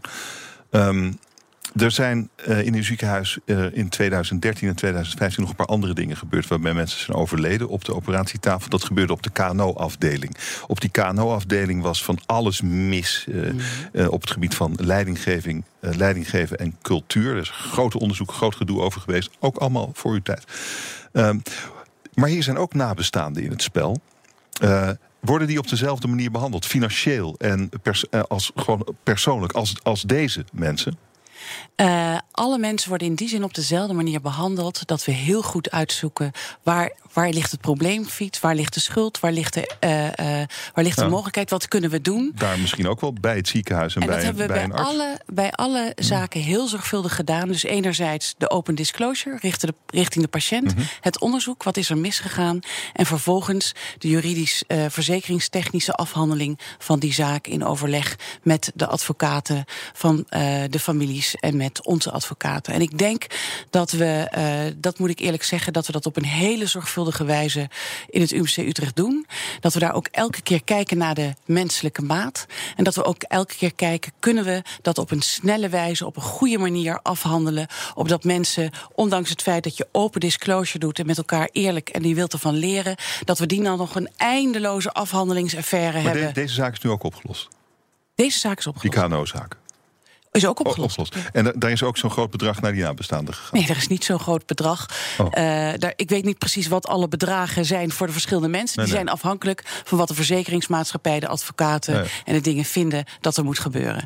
En uh, ik denk dat het te ver voert om daar nu allemaal in de details over te gaan. Mijn gast is Margriet Snijder. Zij is nu 2,5 jaar de bestuursvoorzitter van het UMC in Utrecht, waar 11.000 mensen werken. Uh, mevrouw Snijder, vanmorgen hadden we het hier op BNR hadden we nieuws, namelijk dat 13 van de 17 opleidingen HBO verpleegkunde uh, komend studiejaar een numerus fixus hebben. Een studentenstop. Uh, u heeft een personeelstekort, net als bijna alle ziekenhuizen. Want er is een enorm tekort aan verpleegkundigen. Ongeveer 125.000 de komende jaren. Hoeveel mensen heeft u nodig? Nou, we hebben honderden mensen nodig. En uh, wij krabben ons natuurlijk met elkaar op het hoofd. Hoe is dit zover kunnen komen? Ja, want u kunt zelfs bedden op de IC niet gebruiken... omdat er te weinig personeel is, hè? Nog steeds. Hoeveel bedden gebruikt u niet van de in totaal hoeveel? Dat is echt wisselend per dag. Afhankelijk oh. van hoeveel mensen uh, er zijn, ziek zijn, hoeveel operaties er zijn aangekondigd. We zijn op dit moment heel flexibel in het inplannen. Uh, uh, en hebben ook overbedden, dat we tijdelijk mensen opnemen om te zorgen en dan te kijken of die naar een andere IC kunnen in de landen of in de omgeving. Dus het is heel flexibel. Maar inderdaad is het zo dat uh, uh, de opleiding van verpleegkundigen, de basisopleiding, MBO of HBO, maar ook de vervolgopleidingen, uh, zoals IC-verpleegkundigen, onvoldoende zijn benut. Ja, daardoor moet u waarschijnlijk ook operaties uitstellen of gewoon afstellen. Ja, klopt. Dat is toch krankzinnig? Het is rampzalig. Er zijn twee eigenlijk dingen in de. Uh, uh, en dat zie je vaak bij opleiden. Dat uh, er onvoldoende mensen zijn opgeleid. Dat er een periode is dat iedereen denkt: Nou, we hebben er wel genoeg. En vervolgens krimpt men dan de opleiding in om twee of drie jaar later te constateren dat er veel te weinig zijn. Dat, dat heeft een zekere domheid in zich, vindt u niet? Absoluut. En wat er nu gebeurt, nu komt er dus een, een studentenstop. Terwijl er, u, u, zit te schreeuwen om verpleegkundigen. Er komt een studentenstop. Er komen dus de komende jaar geen nieuwe verpleegkundigen. En dat heeft er ook mee te maken dat er geen uh, stageplaatsen zijn. Uh, nou, bijvoorbeeld in uw ziekenhuis. U zult er ook mee te kampen hebben. Er zijn geen stageplaatsen omdat er geen mensen zijn om die stagiaires te begeleiden. Waardoor het systeem. Het is een catch-22. Het houdt zichzelf in stand. Wat is er nodig om die visieuze cirkel te doorbreken? Zodat er wel gewoon straks mensen zijn om die IC's bij u open te houden. Ja, nou dat is iets waar we met z'n allen enorm hard aan werken. Het eerste is natuurlijk veel meer opleiden. Uh, daar zijn de MBO en HBO-opleidingen uh, ook mee begonnen. Het is ze stoppen met ze, doen ja, een studentenstop. Er is een studentenstop op meer. Het is minder meer. Oh. Maar uh, zo moet je het eigenlijk zien. Uh-uh. bijvoorbeeld de, de Hogeschool Utrecht leidt dit jaar 900 HBO-V'ers op in plaats van of bij de instroom in plaats van 450. En als die volgend jaar die stoppen, zullen ze niet verder groeien. Uh-uh. Of het is niet dat er niet meer wordt opgeleid. Het probleem daarvan is, is dat al die, uh, uh, of probleem, de uitdaging is dat al deze extra studenten wel stageplaatsen moeten hebben. Ja. Nou, de vragen zoals wij nu opleiden of in het verleden opleiden, of dat uh, toegerust is, of dat goed genoeg is om nu de nieuwe mensen op te leiden. Ja. Dus daar zijn we met z'n elkaar aan bezig. We hadden vanmorgen Sonja Kersten in de uitzending, directeur van de beroepsvereniging Mhm. van verpleegkundigen. En zij ziet ook best mogelijkheden om zo snel mogelijk die studentenstop uh, op te heffen. Laten we even luisteren naar wat zij ja. te zeggen heeft. Ik denk dus ook dat de oplossing niet gezocht moet worden in, in hetzelfde en dan een beetje meer, maar dat we dus anders moeten gaan opleiden, moderner moeten gaan opleiden. Dus we leven in 2018, dus er zijn heel veel mogelijkheden om niet uh, klassikaal uh, onderwijs te, te bieden. Ja. Ook regionaal samen, samenwerken, zeg maar, met met allerlei instellingen uh, stages aan te bieden. Mhm. En bijvoorbeeld ook ketenstages te maken. Zodanig dat mensen niet alleen maar bijvoorbeeld op één plek een hele lange stage hoeven lopen, maar zowel in het ziekenhuis als in het verpleeghuis als in de wijkverpleging een stage kunnen doen. En die, die dan wat korter zijn, waardoor het ook makkelijker te begeleiden is. Ja, wat denkt u? Gewoon doen? Ja, Wat gaan doen. En uh, daar zijn we eigenlijk al mee begonnen. U bent er al mee begonnen? Ja, we hebben regioafspraken. Waarbij we met allerlei zorginstellingen in de regio en de opleiders in het SAMUS-overleg zijn aan het kijken hoe kunnen we die uh, opleidingen veel beter verdelen over de regio. Er vallen bij de HBO zo'n 50% van de uh, opleidelingen uit. Uh, gedurende de stages. En men zegt dat een van de hele belangrijke redenen is dat ze pas een jaar drie of vier in de ziekenhuizen komen. Dat is natuurlijk te gek voor woorden. Ja. Uh, dus moeten we ze eerder stages bij ons en dan misschien en minder kan. lang. Ja, natuurlijk, moeten, daar moeten we naar kijken. Daar zijn we ook aan het kijken. En ook de arbeidsintensiviteit waarmee wij nu opleiden in de ziekenhuizen, die kan eigenlijk met alle mogelijkheden die we nu hebben anders. Daar wordt ook naar gekeken. Kunnen we moderner opleiden? Ja, ja. En ook als je een IC-verpleegkundige, dat is een vervolgopleiding. Hè, uh, als je een IC-verpleegkundige opleidt, dan leiden we die nu 18 maanden op uh, in een level 3 IC, dus de top IC. IC, waar, waar allemaal heel ingewikkelde open hartoperaties en dat soort dingen komen. Maar heel veel IC's, de meeste in het land, zijn level 1 en 2. Veel eenvoudiger, postoperatief, eenvoudiger IC's. Dus je kunt de IC-verpleegkundige opleiden 12 maanden, kunnen overal werken. Maar als je op een level 3 IC wordt, krijg je een vervolgmodule van 6 maanden. En daarmee kunnen we Heb opleidingen. ja. Ja, heb je ze eerder. Kun je, eh, en kun je veel modulairder opleiden. Daar zijn we nu met de CZO een heel groot projectplan om veel modulairder op te leiden, zodat verpleegkundigen sneller klaar zijn. En als ze iets anders willen doen, dat je flexibeler kunt opleiden, omdat ze een aantal modules erbij kunnen doen. En dan kunnen ze iets anders doen. Dus, dus eh, denkt u dat, wa- wanneer denkt u dat daarmee, met al die maatregelen die u nu noemt, dat, dat uw tekort is opgeheven? Ik denk dat er twee dingen aan het gebeuren zijn. We flexibiliseren de opleidingen en proberen ze Ja. sneller klaar en veel meer Ja. en breder te op te leiden. Ik denk dat dat wel zo'n twee, drie jaar nodig heeft. Ik denk dat we ook heel goed moeten kijken. En ik had vanochtend nog eh, een van onze verpleegkundigen op bezoek. En die zei: Ja, we hebben een 24-7 eh, bedrijf, maar alleen overdag in de kantooruren hebben wij allemaal ondersteuning van ICT, van Oh ja. eh, schoonmakers, van eh, mensen die ons ondersteunen. En eh, op het moment dat wij gewoon de volgende shift ingaan om vijf uur, zijn die mensen allemaal verdwenen. Dan zijn wij twee uur aan het bellen voor een computer die het niet doet. Dan zijn wij eh, iets aan het schoonmaken terwijl er geen schoonmakers zijn. En op dat moment realiseer ik me dat we dat hele schaarse goed van die verpleegkundigen misschien 24/7 beter moeten ondersteunen, zodat zij kunnen doen waar zij keihard voor nodig zijn. En dat we een heleboel taken die eh, de 16 uur niet buiten binnen kantooruren, eh, eh, dat we die dan door datzelfde. Dat die dan wel gebeuren.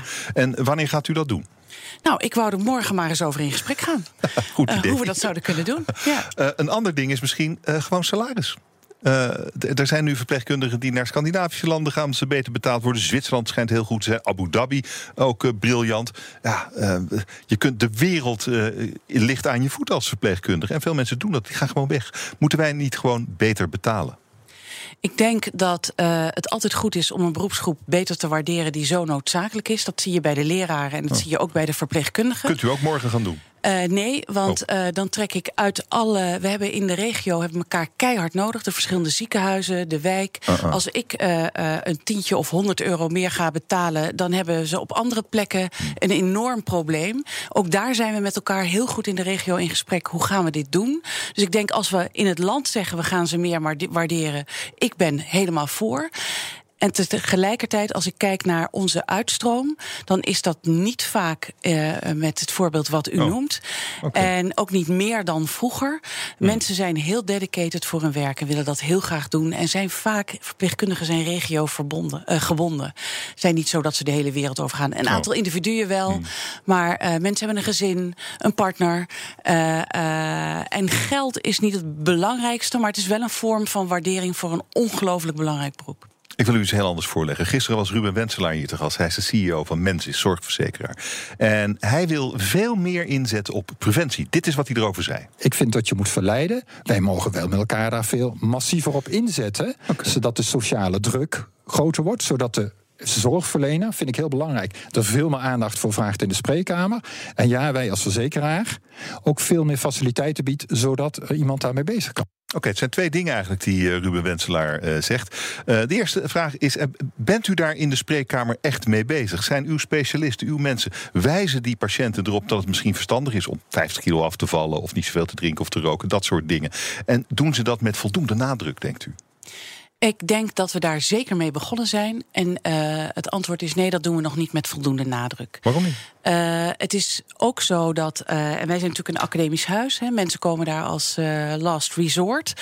hebben vaak al deze dingen al bij de huisarts. En, want dat is de eerste die daarop ingaat. Maar dat ontslaat ons niet van de plicht om dat ook allemaal te doen. Er wordt veel onderzoek bij ons gedaan om samen met huisartsen en patiënten naar die preventie in de thuissituatie te kijken.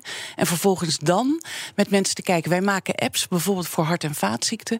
Waarbij mensen zien op grond van wat ze eten en wat ze roken en hun gedrag. hoe groot hun kans in een maand is in percentages. En ze hebben zelf ontworpen wat voor hun het meest eh, duidelijk of helderheid biedt. hun kans op hart- en vaatrisico's. En als ze op een maand veel beter leven, zien ze ineens de, eh, visueel dat Ah. hun kans op hart- en vaatziekten eh, minder wordt. Helpt dat? Dat blijkt te helpen, maar Ja, je moet het wel blijven doen. En ja. het is zo dat leefregels zijn ongelooflijk ingewikkeld. Wij weten ook uit onderzoek waarbij mensen met een verpleegkundige, met eh, eh, digitale eh, ondersteuning een jaar lang heel nauwlettend zijn geholpen en gevolgd. Toen bleek het heel goed mogelijk om die leefregels te volgen. Die mensen vielen af, alles ging beter. En toen eh, ehm, dat programma werd gestopt, want het is enorm arbeidsintensief. Eh, dat werd gestopt en ze werden vergeleken met dezelfde groep die normale behandeling had gehad, de normale gesprekken met de huisarts, een ondersteunend verpleegkundige en een specialist. Werd na drie jaar gekeken en toen waren allebei weer even dik, even ongezond Ah, en dat dus soort dingen. Moet er bovenop blijven zitten. Ja. Kunt u ook morgen gaan doen. Ja. Ik, ik, ik wil u nog één ding voorleggen. eh, namelijk, eh, morgen is mijn gast Lucien Engelen. Hij is directeur van Reshape. Dat is de innovatieafdeling van het Radboud UMC. Eh, wat zou uw vraag aan Lucien Engelen zijn? Nou, ik heb een hele belangrijke vraag. Ik vind het een fantastisch initiatief, dat eh, Reshape. En eh, ik zou willen weten, naar aanleiding van wat wij net hebben besproken... redesign van zorgprocessen, gebruik van technologie... hoe gaat dat ons helpen om het arbeidsmarktkrapte op de korte termijn op te lossen? Die vraag ga ik Lucien Engelen morgen stellen. Dank u wel voor dit gesprek. Margriet Snijder was mijn gast, bestuursvoorzitter van het UMC in Utrecht. Dank u wel. BNR Nieuwsradio. Hemmen.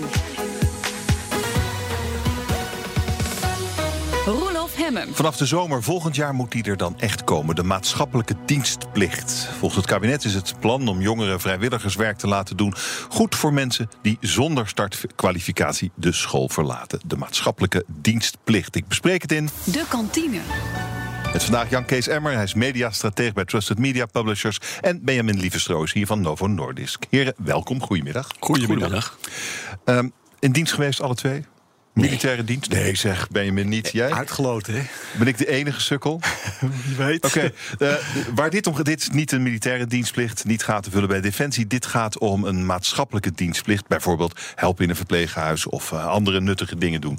Wat blijkt nou? Jongeren zitten daar helemaal niet op te wachten. Nee, eh, kan ik me wel wat bij voorstellen dat je er niet op zit te wachten. Maar heeft dat mij nooit iemand gevraagd toen Nee, ik 14 wou net maanden onder de wapenen Dat moest. wil niet zeggen dat het geen goed idee is. Eh, Oh. ik, denk, eh, ik denk op zich, eh, hoewel ik vraagtekens zit bij de uitvoerbaarheid, lijkt het mij een, eh, een prima idee om eh, mensen bij te brengen dat je wel wat kan gaan doen voor de samenleving. Wat denk jij, Benjamin? Nou, eh, als ik aan maatschappelijke dienstplicht denk, dan denk ik aan jongeren die op zoek gaan in een verzorgingstehuis bijvoorbeeld.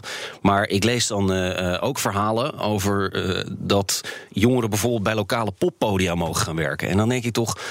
Hoe moeten wij in vredesnaam een systeem opzetten waarin eh, eh, bepaald gaat worden welk maatschappelijk belanghebbend werk een individuele jongeren gaat doen? En bij een poppodium kan ik me voorstellen dat mensen dat wat liever zouden doen dan in een verzorgingstehuis gaan zitten. Eh, terwijl dat laatste wellicht wel wat belangrijker is dan een poppodium. Ja, zorg, ik. zorg denk ik ook. Vroeger was het het, leger. Een ander groot belangrijk ding is zorg natuurlijk. Ja. Maatschappelijke dienstplicht in de zorg. Ja, en ik eh, Ja, eh, ben het heel eens Ja, dat ja. het, eh, dat het hele belangrijke effecten kan hebben, een, een, maatschappelijke dienstplicht. hè. wat dan? Nou, bijvoorbeeld de, de verbinding tussen, tussen jong en oud. De verbinding tussen jongeren onderling. Hè. De, de, de, de maatschappelijke belang daarvan neemt toch wel wat toe. in, de, in de verharde maatschappij waar we tegenwoordig in leven. Ehm, eh, maar dan moet je daar wel goed over nadenken. En ik denk dat we dat wel er- ernstig moeten standaardiseren. Dus, dus voorbeelden van poppodia, dat moet er gewoon uit. Dat, Ja, ik denk dat er genoeg werk in de zorg is om iedereen in de zorg te laten helpen. En, eh, maar aan de andere kant, eh, ja, dit, dit wordt een grote vraagteken en ook een grote uitdaging voor het kabinet. En, eh, om, om, om aan te geven aan de samenleving hoe we dit moeten invoeren. Want dat, wordt, dat wordt het grote punt. Ja. Maar ja, de, de- de- precies, want de discussie nu al, jongeren die zeggen... ja, we hebben het veel te druk voor die flauwekul, hou eens op zeg. Nou, dat had jij toch ook toen je in dienst ging, had je toch Ja, eigenlijk ook te toen druk, was er maar helemaal geen keuze. Er is geen keuze, je moet het doen. De marechaussee kwam je halen. en- precies, en dan zet je maar wat anders opzij, maar dan ga je gewoon eh, dat doen. Ja, Dat- dat, dat- heet plicht, daarom is het ook een plicht. Dus we moeten er zeker niet te veel over discussiëren, bedoel je? Nou, we moeten wel over de uitvoerbaarheid Ja. eh, discussiëren. Uh-uh. En, eh, maar ik hoop niet dat we de dood discussiëren. Hm. Ehm, Syrië, ja, Jan had, had, had het er net ook al over. Donald Trump heeft getwitterd en hij benadrukt dat hij nooit heeft gezegd wanneer een aanval op Syrië, hè, we hebben het over de vergelding voor die gifgasaanval, zal worden uitgevoerd. Kan zeer binnenkort zijn, of misschien helemaal niet zeer binnenkort. Ehm, zijn jullie bang voor een aanval, Jan Kees? Wat denk je, wat denk je dat, dat er gaat gebeuren? Nou, kijk, uh, je hebt aanvallen en aanvallen. Als, er, als het een aanval is om uh, Assad een uh, tik op de vingers te geven prima. En dat heeft hij vorig jaar ook gedaan. Maar kijk, met Trump, die is natuurlijk escalerend bezig om ook Rusland echt in dit conflict, conflict mm. te, te, trekken. En eigenlijk voor het eerst sinds de jaren 70 zitten we meer met een zogenaamde proxy war, waarbij Rusland en Amerika tegenover elkaar staan op een, in een ander land. In hè? Syrië. Dat was in, nu ja. in Syrië. Aha. Dus ja, het is wat dat betreft wel heel onrustig en heel um, eng. eng ja. Ja. Hoe zou dit verder kunnen gaan? Uh, nou, zoals ik het begrijp, uh, neemt Frankrijk op dit moment het voortouw. Althans, die proberen dat te doen. Hè. Dus, dus Macron, die in, in zijn verkiezingscampagne duidelijk gezegd heeft... wat mijn voorganger Hollande fout heeft gedaan als het op Syrië aankomt. Dus hij heeft weliswaar een rode lijn, de famous red line, heeft hij getrokken. gifgasaanvallen. Maar du moment dat Assad die lijn uh, uh, overstak, gebeurde er niks. Nou, Macron die heeft nu toch wel de, de, de plicht aan zijn kiezers om daar, daarvoor op te komen. Ik denk dat dat uh, niet alleen een elegante oplossing is voor Trump, om het ook daadwerkelijk aan Macron te laten, maar dat het ook met afstand de beste oplossing is voor, voor, de, voor de hele wereldstabiliteit, de geopolitieke stabiliteit. Want je bedoelt, het is minder erg als Franse raketten Russische militaire doden dan wanneer Amerikaanse raketten dat doen, zoiets. Ja, dat klinkt gek, maar ja. ja, ja, ja, ja, inderdaad, precies. Ja. Zou Nederland op een of andere manier daarbij betrokken moeten worden? NAVO-partner? Nou, we zijn per definitie NAVO-partner. Dus mm -hmm. uh, uh, ja, op het moment dat dit wordt gezien als een zaak van de NAVO... en dat Frankrijk en Amerika gaan meedoen... ja, dan ben je als Nederland, en, en de minister heeft dat gisteren al gezegd... we staan niet onwelwillend tegen die aanval... en dat die tik op de vingers gegeven moet worden. Dat, uh, dat vindt de Nederlandse regering ook. Of er al meteen ook bijdragers geleverd worden in militaire zin... ja, dat is nog maar de vraag. Kijk, we zitten natuurlijk ook al in Irak ISIS te bevechten. Dus ja, ik, denk niet dat we heel snel die Syrische dat Syrische grondgebied binnengaan. Maar ja, eh, Nederland is sowieso betrokken, want we zijn NAVO-bondgenoot. Uh, er is, is er vanmorgen niet over gesproken in de Tweede Kamer? Ja, dat was, Wat viel jou op? Ja, dat, dat viel me op. Dat, dat was gisteren. gisteren. ja, ik, daar heeft Baudet iets gezegd waar ja, echt de oren van je hoofd afvallen. Want meneer Baudet die vindt dat Assad maar als winnaar van dit conflict moet worden verklaard. Omdat dat de stabiliteit van Syrië ten goede komt, in zijn ogen. Ja, en gaat daarbij volledig voorbij aan het feit dat Assad inmiddels Uh, honderdduizenden uh, doden op zijn geweten heeft. Als gevolg van gifgasaanvallen. En dat je en zich daarmee buiten de internationale orde heeft geplaatst. Dus ja, ik, ik, ik heb dit met stijgende verbazing aangehoord toen Baudet dat zei. En ik heb me eigenlijk ook verbaasd dat hij minieme weerstand kreeg van in, de, in de commissie de VVD. Mevrouw Becker, die, die, die, die, die pleegt nog wat weerwoord. Maar iemand die dat zegt. Ik, ik je kunt de vergelijking trekken met de Tweede Wereldoorlog. Hè, en met, met, met, met bij wijze van spreken Hitler. Uh, ik vind altijd hele uh, enge vergelijkingen. Maar wat meneer Baudet daar zegt, was gespeend van iedere internationale uh, kennis. En ja, hij moet echt zijn huiswerk gaan doen. Nou ja, feit is wel dat Assad er nog zit. Hij zit er nog wel. Ondanks maar, alles. Ja, dankzij Rusland. Nou, ik denk wat ook belangrijker geweest is nog uh, gisteren in, in, in, de, in de toch wel vrij walgelijke woorden van Baudet. Uh, is dat hij direct gevraagd is, uh, meermaals vanuit de commissie, hoe hij aankijkt tegen het gegeven dat um, chemische wapens beschouwd worden als een schending van de mensenrechten, de inzet daarvan. Mm. En daar gaf hij een of ander knuffelantwoord op dat het, ja, het is, alle wapens zijn toch vervelend om in te zetten en hij wilde geen onderscheid maken. Nee, hij zei alleen het bestaat, het verdrag tegen de chemische wapens bestaan. En hij, hij, ziet dat als een feit, maar hij zei niet ik ben er voor of ik ben er tegen. Nee. Dus in feite nam hij er afstand nee, hij wil gewoon geen afstand. Terwijl we nee. dat met z'n allen uh, ongeveer 100 jaar geleden aan het einde van de Eerste Wereldoorlog bepaald ja. hebben dat dit toch echt nooit meer kon nee. gebeuren. Maar, maar, is dit, waar, waar, hoe, hoe, kan, hoe kan een politicus dat dan niet ja, Hij is, hij is een Poetin-fan. Dat is ja. de, de, op, op een of andere uh, duistere manier. Ik sta zelf ook iets ter rechterzijde van het politieke spectrum. Maar op een of andere duistere manier ben ik zelf in de afgelopen paar jaar ingehaald door een, een forse hoeveelheid maloten. Uh, die onder andere met elkaar gemeen hebben dat ze een Poetin-fan zijn. Nou ja, dat kan je zijn, maar dan moet je in ieder geval afscheid van de democratie nemen. Want dat is, daar is Poetin geen fan van. Uh, hmm. En daar blijkt het wel van. Ja, en Baudet zal, uh, hij zal ongetwijfeld lijnen hebben met het Kremlin. Maar die zijn niet dermate direct dat hij exact weet wat hij wanneer moet zeggen. Dus dan gaat hij een beetje gissen in dit soort debatten. En dan krijg je dit soort rare teksten waarin hij verdedigt dat. eigenlijk impliciet verdedigt dat er mogelijkerwijs chemische wapens ingezet zouden kunnen zijn. Maar dat dat niet zo heel erg veel erger is dan het gewoon sturen van een, van een eh, gerichte bom. Lijnen, jij zegt, eh, Benjamin, lijnen met het Kremlin. Ja.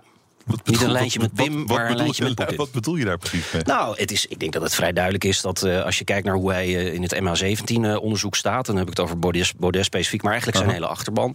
Het MH17 kwam gisteren ook ter sprake, eh, waarin hij weer onderstreepte dat eh, het onderzoek eh, eh, kwalitatief eh, niet goed genoeg was, wat, eh, wat eh, eh, Nederland heeft gedaan, en dat het dus opnieuw gedaan moet worden. En dat roept hij de hele tijd, omdat hij eh, eh, ja, aan Poetins kant van, van de uitleg van MH17 staat, namelijk dat het de Russen niet geweest zijn, maar de Oekraïners. Ja, dat is allemaal in Ja, 2018 belachelijk om Hij, hij draagt daarbij, en dat, zo, zo, en dat doet in feite de PVV ook. De, de- beide partijen dragen bij, uit het, eh, bij het aan uiteenspelen van de Nederlandse samenleving op dit gebied. En zijn daarbij echt een Hmm. instrument van, eh, van, van, van Moskou. eh, zo lijkt het. Er was gisteren ook een eenvoudig akkefietje in de Tweede Kamer. Eh, er was een SP'er, Peter Quint, eh, Kamerlid. En die stond zonder jasje, zonder dasje, maar in zijn t-shirt eh, te spreken in de Tweede Kamer. Eh, in zijn t-shirt. En hij heeft ook een, eh, een arm die bedekt is met tatoeages. Nou, dat leverde hem dus een berisping op van de Kamervoorzitter, mevrouw Ariep. Ehm, en, en toen dacht ik van ja, is dat nou terecht? Moet je nou een jasje aandoen als je in de kamer staat? Is het erg als je met een t-shirt en je tatoeage zichtbaar in de kamer staat? Ik wist het niet precies. Wat denken jullie? Nou ja, eh, we leven in een vrij land, dus maar eh, enig eh, decorum in een, in een, in een, in, in Ja, het zou wel- parlement zou wel is- beleefd zijn. Zou wel beleefd zijn, maar ja, goed, hij mag het zelf weten. Maar ja, Er is geen dresscode in het maar- parlement, Nee, nee, terecht, omdat we in een vrij land leven. Maar morgen komt hij misschien wel in zijn zwembroek. Ja, wat vinden we daar dan van? Ja, wat mij betreft trekt iedereen een jasje aan. Ja. Wat vind jij, Benjamin? Ja, het is ook een beetje het voortschrijden van de tijd. Hè. Er staat in, de, in, de, in de artikelen van vandaag staat een, eh, een voorbeeld van Erika Terpstra... die in 2002, nou, is met name volgens mij... Nee, de naam is me ontschoten, maar een minister uh, uh, maande... om toch even zijn jasje aan te doen. Uh, omdat hij zonder jasje, maar wel gewoon in, in stropdas en, en in hemd in vak K zat... waar, de, waar het kabinet zit. en dat vond ze toch geen decor. Nou, dat is amper 16 jaar geleden. En nu staat er iemand in een t-shirt met ja. tatoeages. Ja, het is voortschrijden van de tijd. Ja, niet, en niet zomaar een t-shirt. Het was behoorlijk verwassen. Het zag, ja, de man ja, liep erbij als... De man, ja, de man liep erbij. Maar goed, iedereen zijn eigen dresscode. Het hoort bij zijn imago. Wij nemen het nieuws van de dag door in de kantine. En dat gaat Jurgen Ruijman straks ook doen in Ask Me Anything. Waar gaat het over vandaag? Nou, iets wat ons allemaal aangaat. Het tekort op de woningmarkt. Uh, ah. NVM heeft gisteren, of uh, ja, ze hebben het gisteren bekendgemaakt... maar de cijfers zijn vandaag naar buiten gekomen. Uh, ja, dat er echt een krapte is op de woningmarkt. Er zijn te weinig woningen. Dat wisten we allemaal. We gaan het erover hebben. Hoe moeten we dat -huh. oplossen? Want ja, is het, misschien zijn onze woningen gewoon in een soort... of is de hele woningsector een soort varkenscyclus... waar we steeds maar proberen bij te bouwen wanneer het te weinig is. En op een gegeven moment hebben we weer overschot en dan erop die prijs weer. Dus het is, het is iets heel raar waar we op de een of andere manier geen vinger achter ja, kunnen vanmorgen krijgen. was Diederik Dam hier, dus architect... en die houdt van hoge gebouwen. Hij heeft de Maastoren gemaakt in Rotterdam. Ja. En hij zei, verdichten gewoon hele grote hoge flats... in de stad op plekjes waar je nog een beetje ruimte hebt. Ja, maar al die mensen met hoogtevrees, hoe krijg je die dan daarboven? Dan, uh, ik vind die, het wel die gaan naar Almere Die dan. gaan naar Almere, ja. Welkom, welkom te Almere. Kom in de echte stad wonen dan. Nee, maar het is echt gek. Als je ziet wat er met de Randstad nu ook gebeurt. Ik bedoel, Almere, dat is gewoon Amsterdam Zuid-Zuid geworden. Of Noord-Noord, ik weet niet hoe je het wil noemen. Ja, het zit Zuid-Noord. Want uh, Zuid nee, het zit Zuidoost, het zit Zuidoost. Ja, Zuidoost zit het. En het is echt ongelooflijk. Ik bedoel, in Almere heb je gewoon vanaf prijzen nu hè, op de woningmarkt. Ik, iemand zet de laatste woning te kopen in Almere Poort. Binnen 20 minuten was het huis verkocht. Het is echt gewoon waanzinnig wat er daar gebeurt. Want die hele verschuiving van de Randstad gaat nu naar de buitenwijken. Dus mm -hmm. ja, uh, wat moeten we doen met die woningmarkt? Uh, heb jij ideeën erover? Moeten we kleiner? Moeten we groter? Uh, moeten we minder? Moeten we op het water gaan wonen? Misschien ondergronds als een stelletje mollen? Kom met je ideeën. Je kan het allemaal, je, kan het allemaal je vragen stellen en je ideeën aan ons doorspelen via Twitter, BNR, via Facebook. Je mag me natuurlijk altijd whatsappen. Het nummer staat op bnr.nl. Of even mailen naar askme.bnr.nl. Maar Roelof, je weet het zelf. Bellen is leuk. Maar bellen zijn sneller. 020 468 en stel je vraag live in de uitzending. We gaan het over woningen hebben. Altijd spannend. Jurgen, veel plezier zometeen. Dankjewel. Jullie ook in de kantine. Je luistert naar de kantine. Benjamin Lievestroos hier van Novo Nordisk... en Jan Kees Emmer, mediastratege bij Trusted Media Publishers. Um, die publiekstrekkers van musea, echt de, de, de blockbusters. Uh, uh, hartstikke leuk, trekken veel publiek... maar daarmee gaat de sector naar de knoppen, zegt de Raad voor Cultuur. Uh, wat, wat zie jij voor blockbusters in de musea, Benjamin? Oh, dat vind ik een mooie vraag. Um, uh, uh, nou, laatst nog in het Rijksmuseum uh, was er een, een blockbuster... die is volgens mij nu nog steeds gaande in de vorm van High Society. Oh ja. En ik wens hier niemand te beledigen die bij het Rijksmuseum werkt. Dus met afstand een van de slechtste exposities... waar ik ooit in mijn leven geweest ben. Oh.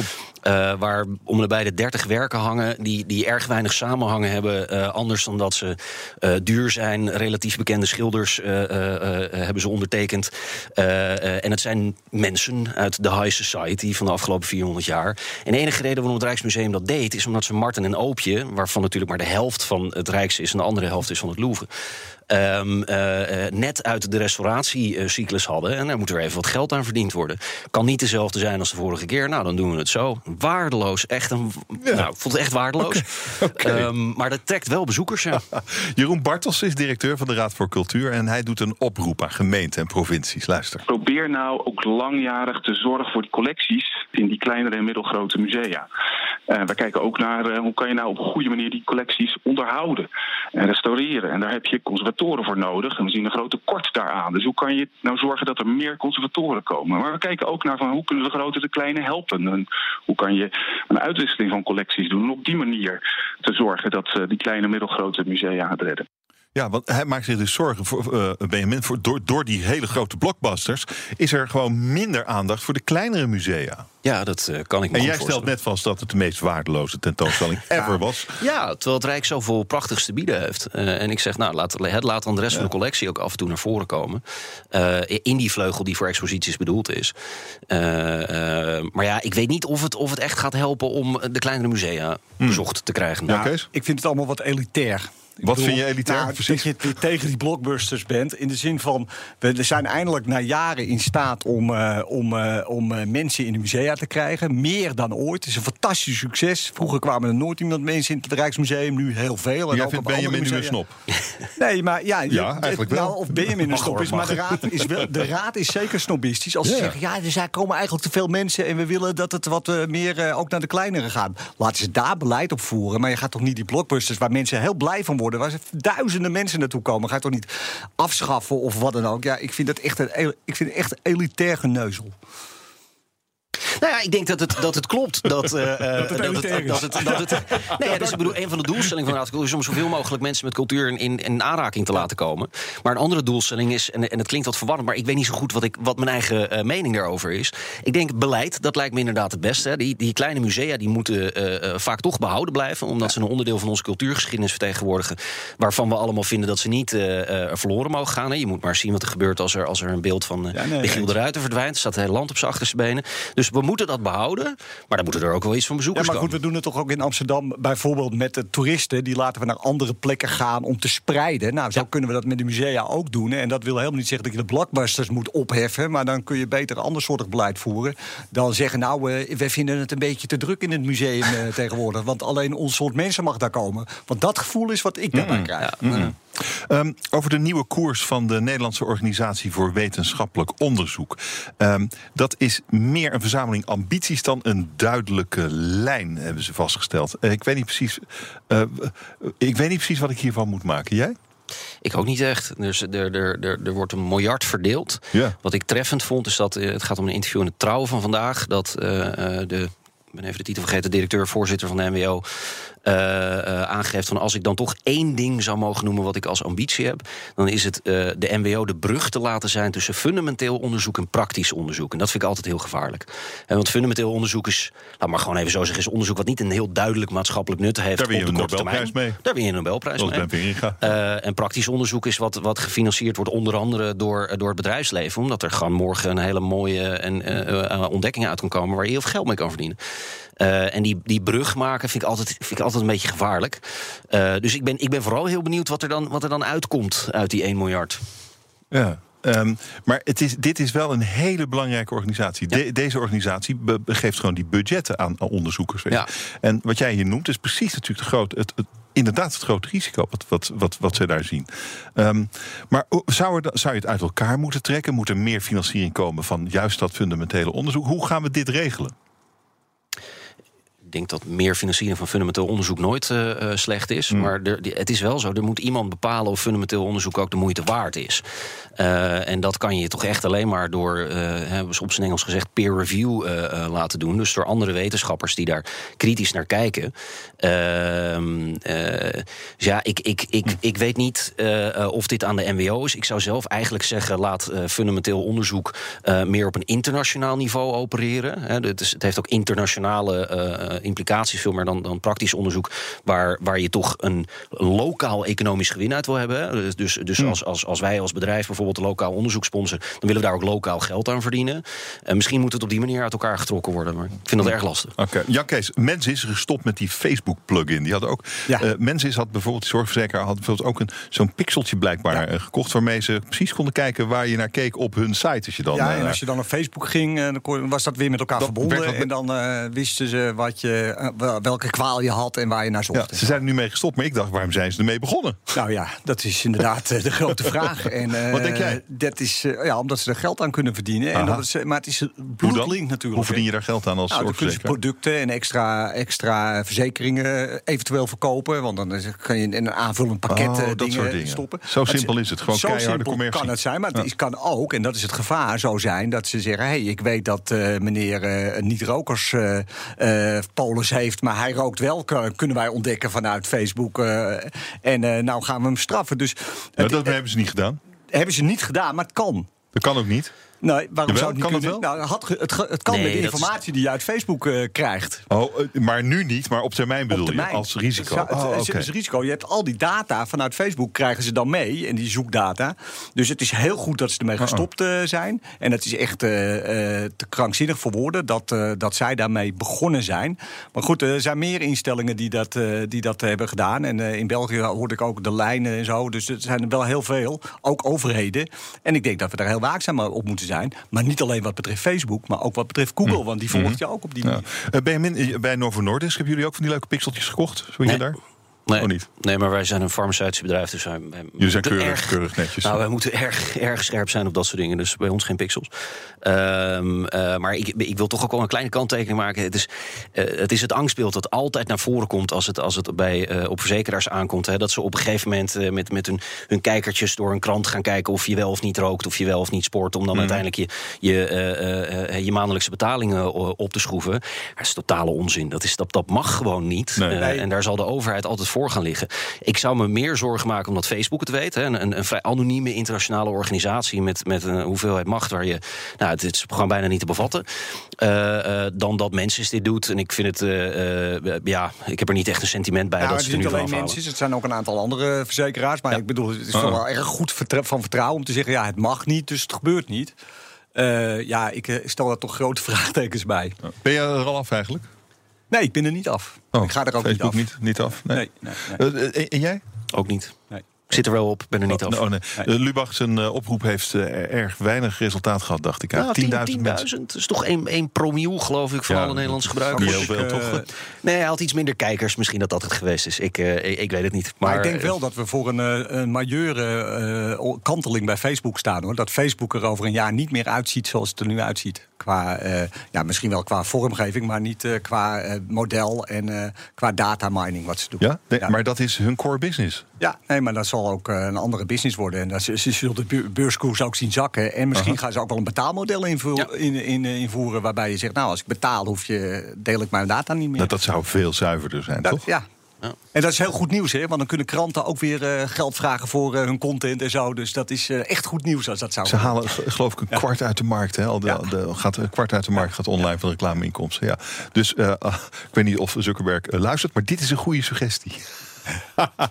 ik ga de kantine dichtgooien, jongens. Dank jullie wel. Fijn dat jullie er waren. Jan Kees Emmer, mediastratege bij Trusted Media Publishers. En Benjamin Lievestro van Novo Nordisk. Dank jullie zeer.